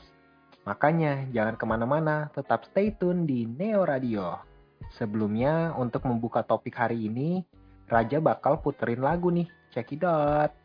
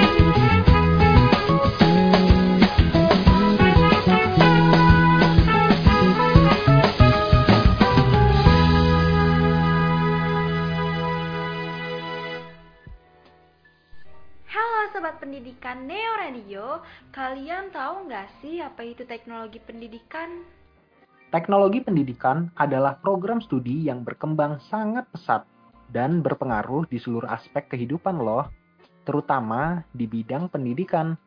Karena teknologi pendidikan berfokus pada pengembangan kurikulum dan pemanfaatan teknologi bagi dunia pendidikan. Lalu prospek kerja para lulusan teknologi pendidikan ke mana aja sih kak?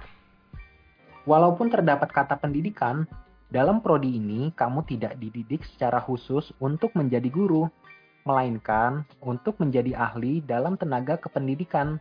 Contohnya seperti pengelola, perencana, pengembang, pembuat, penilai, dan juga pengguna sistem serta komponen pembelajaran di departemen atau lembaga pendidikan. Tidak hanya di bidang pendidikan, di bidang lembaga negara lainnya juga ada orang-orang teknologi pendidikan loh. Wah, keren banget kan? Tunggu apa lagi? Ayo bergabung bersama kami di Teknologi Pendidikan Fakultas Keguruan dan Ilmu Pendidikan Universitas Ibnu Khaldun Bogor. Bersama kita bangun pendidikan Indonesia yang lebih baik. Halo Sobat Education, kembali lagi bersama aku, Mas Syafa. Nah, pada siaran kali ini kita bakal ngebahas tentang mental disorder. Sebelumnya pasti kalian udah pada denger dong apa itu mental is- mental disorder ataupun untuk kalian yang belum mengerti ataupun mendengar sama sekali apa itu mental disorder. Pada sore kali ini kita bakal ngebahas nih apa itu mental disorder. Halo Sobat Muda Education, kali ini Anissa akan menjelaskan beberapa definisi tentang apa itu mental disorder. Yang pertama, disorder mental ini adalah bentuk gangguan atau kekacauan fungsi mental atau kekesehatan mental. yang disebabkan oleh kegagalan mereaksinya mekanisme adaptasi dari fungsi-fungsi kejiwaan terhadap stimuli ekstern dan ketegangan-ketegangan sehingga muncul gangguan fungsi atau gangguan struktur dari satu bagian, satu organ, atau sistem kejiwaan. Yang kedua, disorder mental merupakan totalitas kesatuan ekspresi proses kejiwaan yang patologis terhadap stimuli sosial, dikombinasikan dengan faktor-faktor kausatif sekunder lainnya. Yang ketiga, Disorder mental adalah sembarang ketidakmampuan menyusai, menyelesaikan diri yang mengakibatkan orang menjadi tidak memiliki suatu kesanggupan. Sebab awal penyakit atau kekacauan tersebut bisa bersifat psiko, psikogenis atau organis dan mencakup baik reaksi-reaksi psikotis maupun reaksi-reaksi neutoris yang lebih serius. Menurut JP Kaplan 1981. Seperti halnya rasa pusing-pusing, sesak nafas, demam, dan nyeri-nyeri pada lambung yang merupakan pertanda awal pada nyeri jasmaniah. Maka penyakit mental itu pun diberi tanda permulaan dengan fenomena antara lain cemas, cemas, ketakutan, patah hati, hambar hati, apatis, cemburu, iri hati, dengki, kemarahan, kemarahan yang eksplosif, rasa sosial, dan lain-lain. Maka kekacauan mental merupakan bentuk gangguan pada ketenangan batin dan harmonis struktur kepribadian. Jasmani yang sehat ditandai antara lain oleh ciri-ciri sebagai berikut.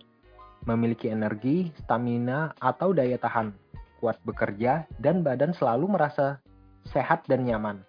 Lalu selanjutnya ada ciri-ciri orang-orang yang memiliki mental sehat di antara lain satu, ada koordinasi dari segenap usaha dan potensinya. Dua, memiliki integrasi dan regulasi terhadap struktur kepribadiannya. Tiga, efisien dalam setiap tindakannya. Empat, memiliki tujuan hidup yang sehat dan realistis. Kelima, bergairah dan tenang harmonis batin. Wih, ternyata seru juga ya ngebahas dan ngupas apa sih itu mental disorder. Selanjutnya akan dibahas mengenai apa saja sebab-sebab terjadinya dapat timbul mental disorder pada seseorang.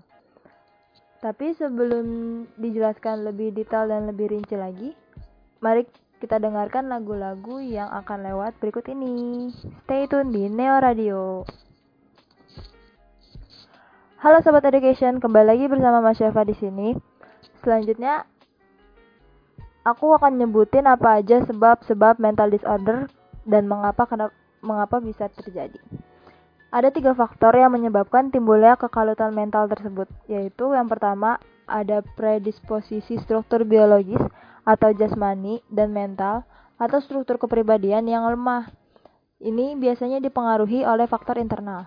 Lalu yang kedua ada konflik sosial dan konflik kultural. Biasanya ini dipengaruhi oleh eksternal, dan yang ketiga ada pemaksaan batin dari pengalaman. Pencernaan pengalaman dalam diri subjek dengan cara yang salah di titik tertentu. Jadi ada proses intraspsikis yang salah. Lalu ada sebab-sebab sosiokultural dan psikologis timbulnya mental disorder.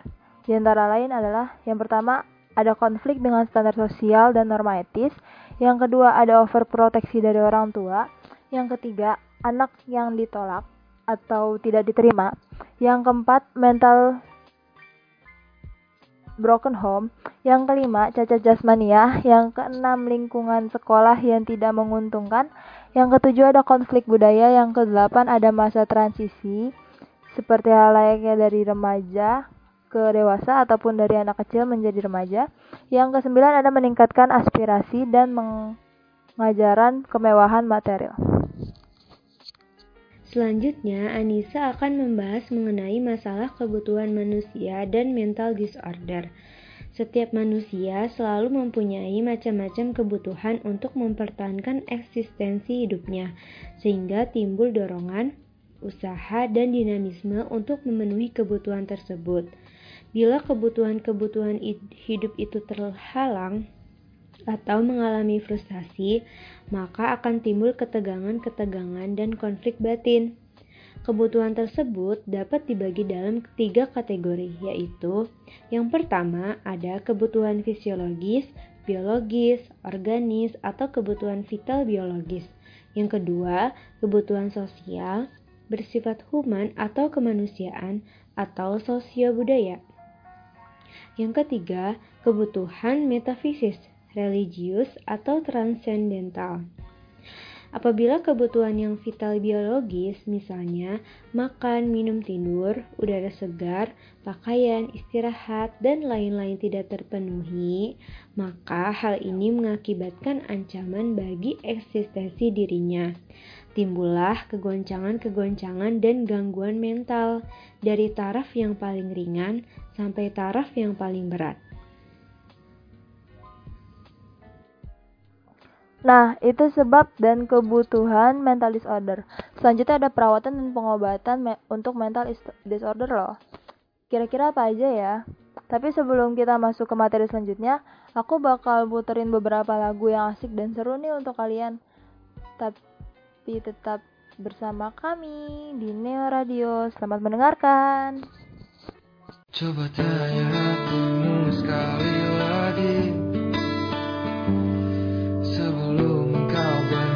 benar-benar pergi. Masihkah ada aku di dalamnya? Karena hatiku masih menyimpanmu. Kisah kita memang baru sebentar. Namun kesan terukir sangat indah. Ku memang bukan manusia sempurna. Tapi tak pernah berhenti mencoba. Membuatmu tersenyum Walau tak pernah berbalas. Bahagiamu juga bahagiaku. Saat kau terlalu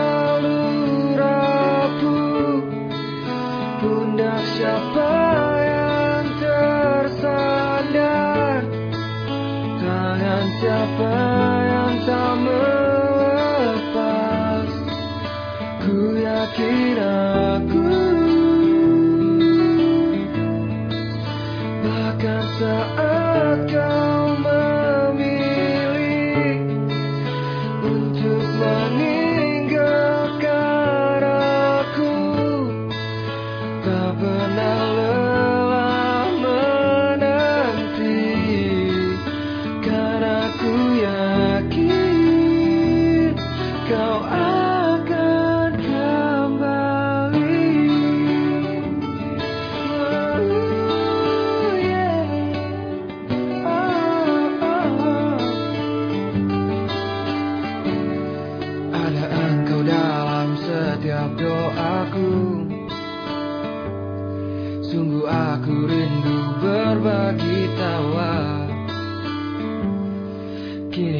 kita tidak lagi menyapa. Biarlah hanya dari kejauhan. Melihatmu tersenyum Walau tak pernah berbalas. Bahagiamu juga bahagiaku. Saat kau terlalu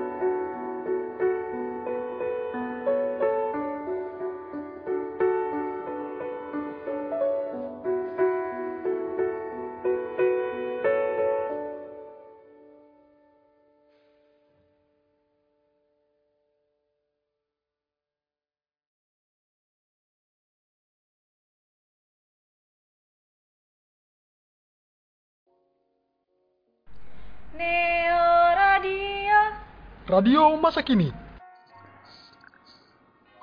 Halo Sobat Education, kembali lagi bersama aku, Mas Syafa. Selanjutnya, ada Raja yang bakal ngebahas tentang perawatan dan pengobatan mental disorder.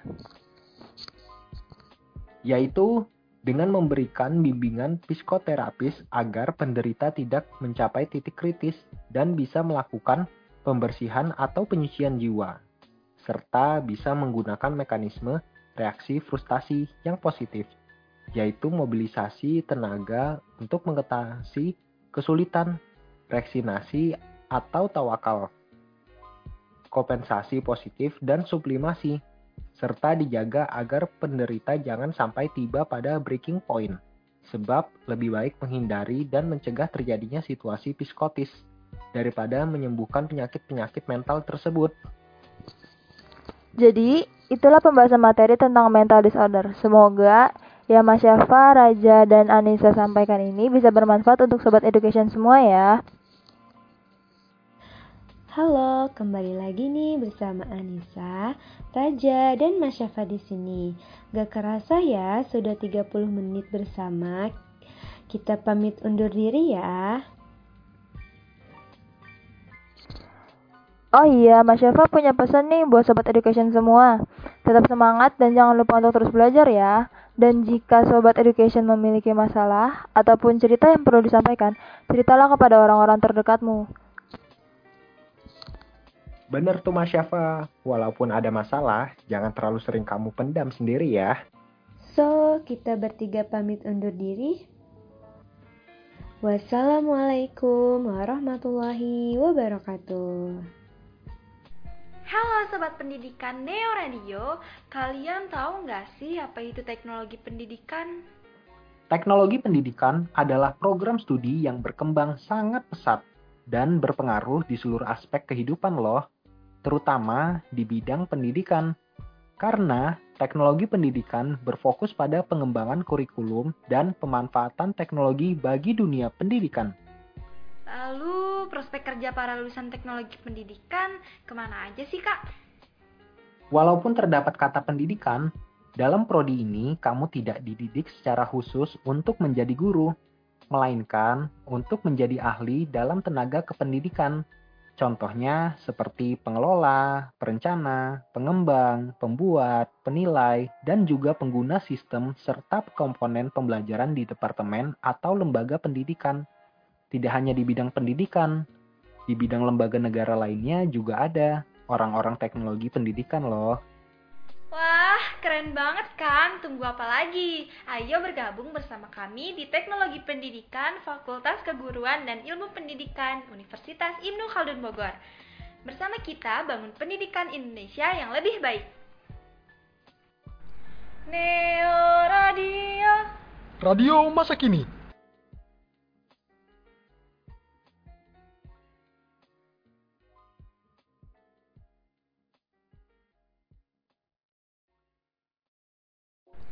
Neo Radio. Radio masa kini. Halo Sobat Pendidikan Neo Radio, kalian tahu nggak sih apa itu teknologi pendidikan? Teknologi pendidikan adalah program studi yang berkembang sangat pesat dan berpengaruh di seluruh aspek kehidupan loh, terutama di bidang pendidikan.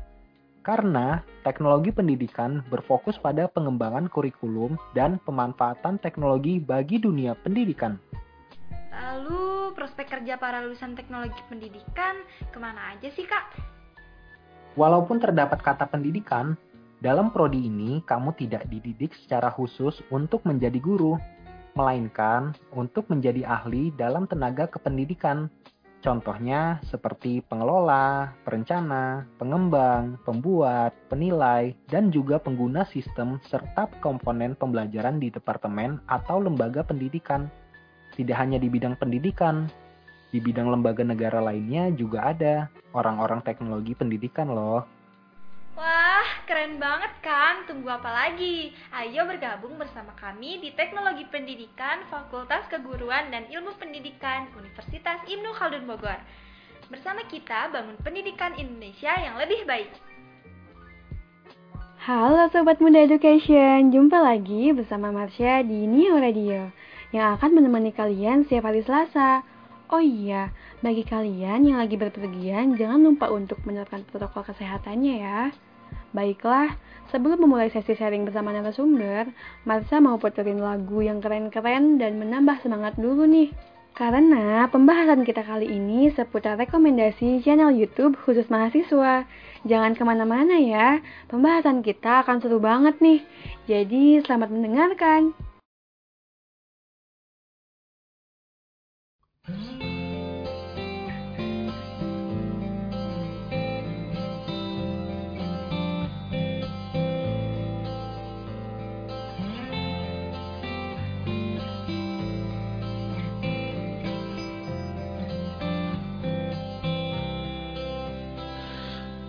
Ada manusia yang terlahir sempurna.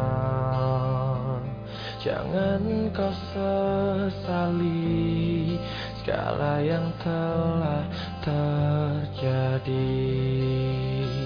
Kita pasti pernah dapatkan cobaan yang berat.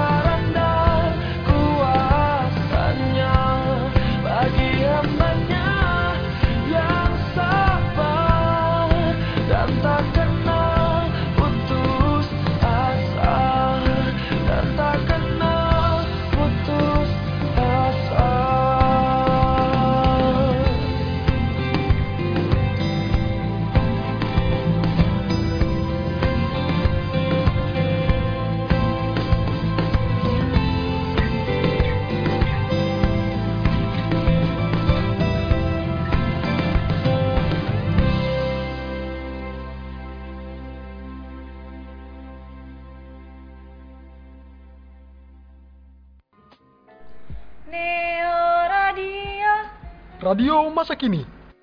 Oke, jadi tadi lagu dari Masif, Jangan Menyerah. Sobat Muda Education, kali ini Marsha akan ditemani oleh Anissa. Kita akan membahas seputar rekomendasi channel YouTube khusus mahasiswa. Yang mana sekarang tuh YouTube lebih, lebih diminati kan? Baiklah, kita sapa dulu Anissa yang udah bersama Marsha di studio. Halo Anissa, gimana kabarnya? Sapa dulu dong pendengarnya. Iya, halo Marsa, Alhamdulillah sehat. Halo Sobat Muda Education, saya Anissa. Oke Anissa dan Sobat Muda Education, baiklah langsung aja nih kita mulai sesi sharingnya. By the way, pernah tahu nggak sih istilah YouTube, YouTube lebih dari TV?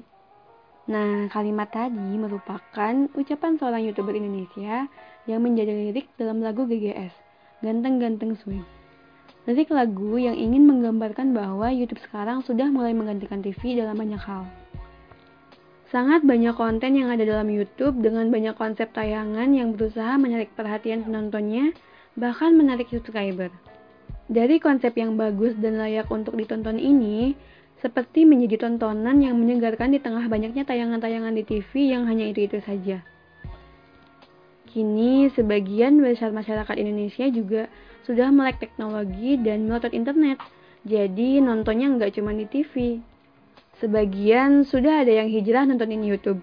Mungkin mereka termasuk saya, sudah bosan dengan acara TV yang gitu-gitu aja. Dari zaman dulu, apalagi sekarang ini banyak acara TV yang baik kuis, sinetron, atau tayangan TV yang lainnya, di, atau tayangan TV lainnya diadaptasi dari TV zaman dulu, ada juga yang meniru dari tayangan TV luar negeri dan malah ada juga yang nyomot dari YouTube. Nah, menurut Kak Anissa sendiri nih, ada nggak sih rekomendasi channel yang bermanfaat buat mahasiswa? Ada dong pastinya. Channel YouTube sekarang tuh udah keren-keren banget kontennya. Mau cari apa pun pasti ada. Terutama buat belajar nih. Nah, aku rekomendasiin ya channel YouTube yang bagus buat mahasiswa. Yang pertama ada TID Educator. Adalah salah satu channel YouTube dari TID, sebuah organisasi konferensi media Amerika yang memposting pembicaraan online dalam bidang teknologi, desain, dan pendidikan. Channel TID Educator ini berfokus pada video pendidikan pendek dengan sajian animasi yang menarik. Kumpulan video TID Educator sangat interaktif dengan topik bahasan yang bisa mengasah kemampuan berpikir dan menambah pengetahuan kamu soal banyak hal. Topik yang sulit disajikan secara menarik dan singkat sehingga mudah dipahami. TID juga punya saluran YouTube lainnya seperti TID Youth, TID Talks, dan TID Educator. Yang sayang banget nih untuk kamu lewatkan, jangan lupa subscribe ya. Nah, lalu yang kedua, buat kamu yang pengen lebih mengenal soal self-development, kamu wajib subscribe 1%. Channel ini adalah sebuah startup life school di Indonesia yang mengajarkan kamu untuk dapat berkembang dan mencapai kehidupan yang layak didapatkan. Video yang disajikan 1% merangkum berbagai permasalahan remaja, terutama mahasiswa, seperti persoalan kegagalan, menumbuhkan rasa percaya diri, melawan overthinking, dan sebagainya. Cocok banget nih buat kamu. Nah, itu dulu deh ya. Nanti Marsha akan memberitahu lagi channel-channel YouTube khusus mahasiswa yang pastinya sangat bermanfaat banget. Penasaran kan? Eits, tapi sebelum menjawab itu semua, akan diputar lagu dulu nih yang akan menemani hari-hari Sobat Education semua menjadi lebih semangat. Let's play!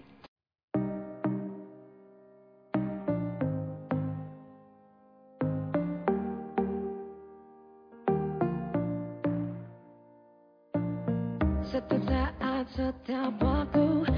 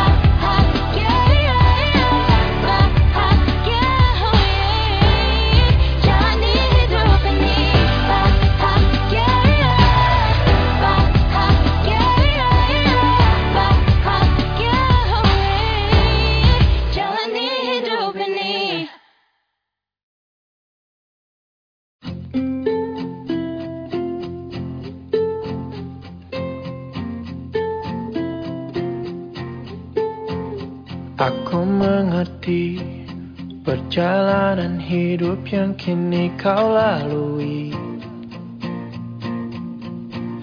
Ku berharap meski berat kau tak merasa sendiri.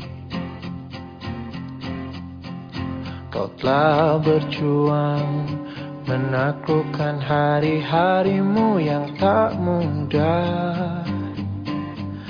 Biar ku menemanimu membasuh lelahmu. Izinkan ku lukis senja Mengukir namamu di sana. Mendengar kamu bercerita Menangis tertawa. Biar ku lukis malam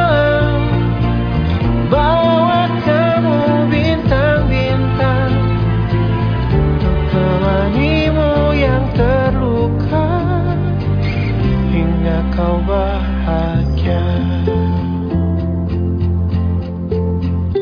Aku di sini walau lagi coba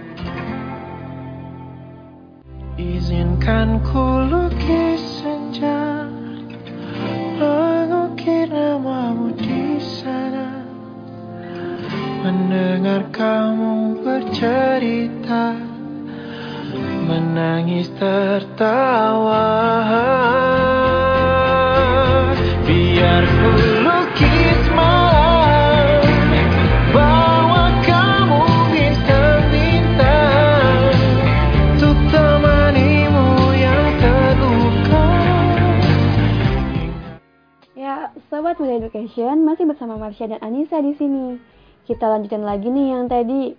Jadi, udah dikasih tahu kan sebagian channel-channel yang keren abis dan bermanfaat pastinya. Yaitu channel khusus mahasiswa. Lalu, apalagi nih nih channel-channelnya? Udah penasaran banget.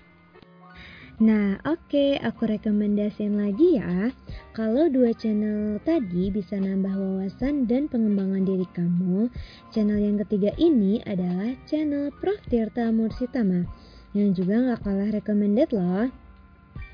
Prof. Tirta Mursitama siap ngasih banyak banget pengetahuan terkait pendidikan tinggi, penelitian, dan publikasi. Buat kamu, para calon mahasiswa juga bisa mendapatkan informasi tentang program studi, cara memilih program studi, dan perkuliahan. Kamu yang udah jadi mahasiswa juga dapat banyak tips tentang sukses kuliah, mengerjakan tugas kuliah, ujian, dan menyelesaikan tugas akhir dengan lancar. Prof. Tirta juga bahas banyak banget skill yang penting dikuasai untuk bisa berkarir di era sekarang loh. Wah, penting banget nih untuk menunjang persiapan kamu menuju kesuksesan. Jangan lupa di-subscribe ya. Wah, keren-keren banget channelnya. Duh, jadi nggak sabar nih pengen langsung buka YouTube, terus subscribe channel-channelnya. Nah, Sobat Muda Education, di mana pun kalian berada, itu tadi seputar channel-channel YouTube yang recommended banget buat mahasiswa. Terima kasih Anissa udah mau rekomendasiin channel-channel khusus mahasiswa yang keren-keren abis pastinya. Oke, segitu dulu ya informasi dari kami. Nantikan informasi-informasi lainnya di Neo Radio. Halo Sobat Muda Education Neo Radio. Kalian tahu nggak sih apa itu teknologi pendidikan? Teknologi pendidikan adalah program studi yang berkembang sangat pesat dan berpengaruh di seluruh aspek kehidupan loh, terutama di bidang pendidikan. Karena teknologi pendidikan berfokus pada pengembangan kurikulum dan pemanfaatan teknologi bagi dunia pendidikan. Lalu, prospek kerja para lulusan teknologi pendidikan ke mana aja sih? Nah, walaupun terdapat kata pendidikan dalam prodi ini, kamu tidak dididik secara khusus untuk menjadi guru, melainkan untuk menjadi ahli dalam tenaga kependidikan. Contohnya seperti pengelola, perencana, pengembang, pembuat, penilai, dan juga pengguna sistem serta komponen pembelajaran di departemen atau lembaga pendidikan. Tidak hanya di bidang pendidikan, di bidang lembaga negara lainnya juga ada orang-orang teknologi pendidikan loh. Keren banget kan? Tunggu apa lagi? Ayo bergabung bersama kami di Teknologi Pendidikan Fakultas Keguruan dan Ilmu Pendidikan Ibnu Khaldun Bogor. Bersama kita bangun pendidikan Indonesia yang lebih baik. Neo Radio. Radio masa kini.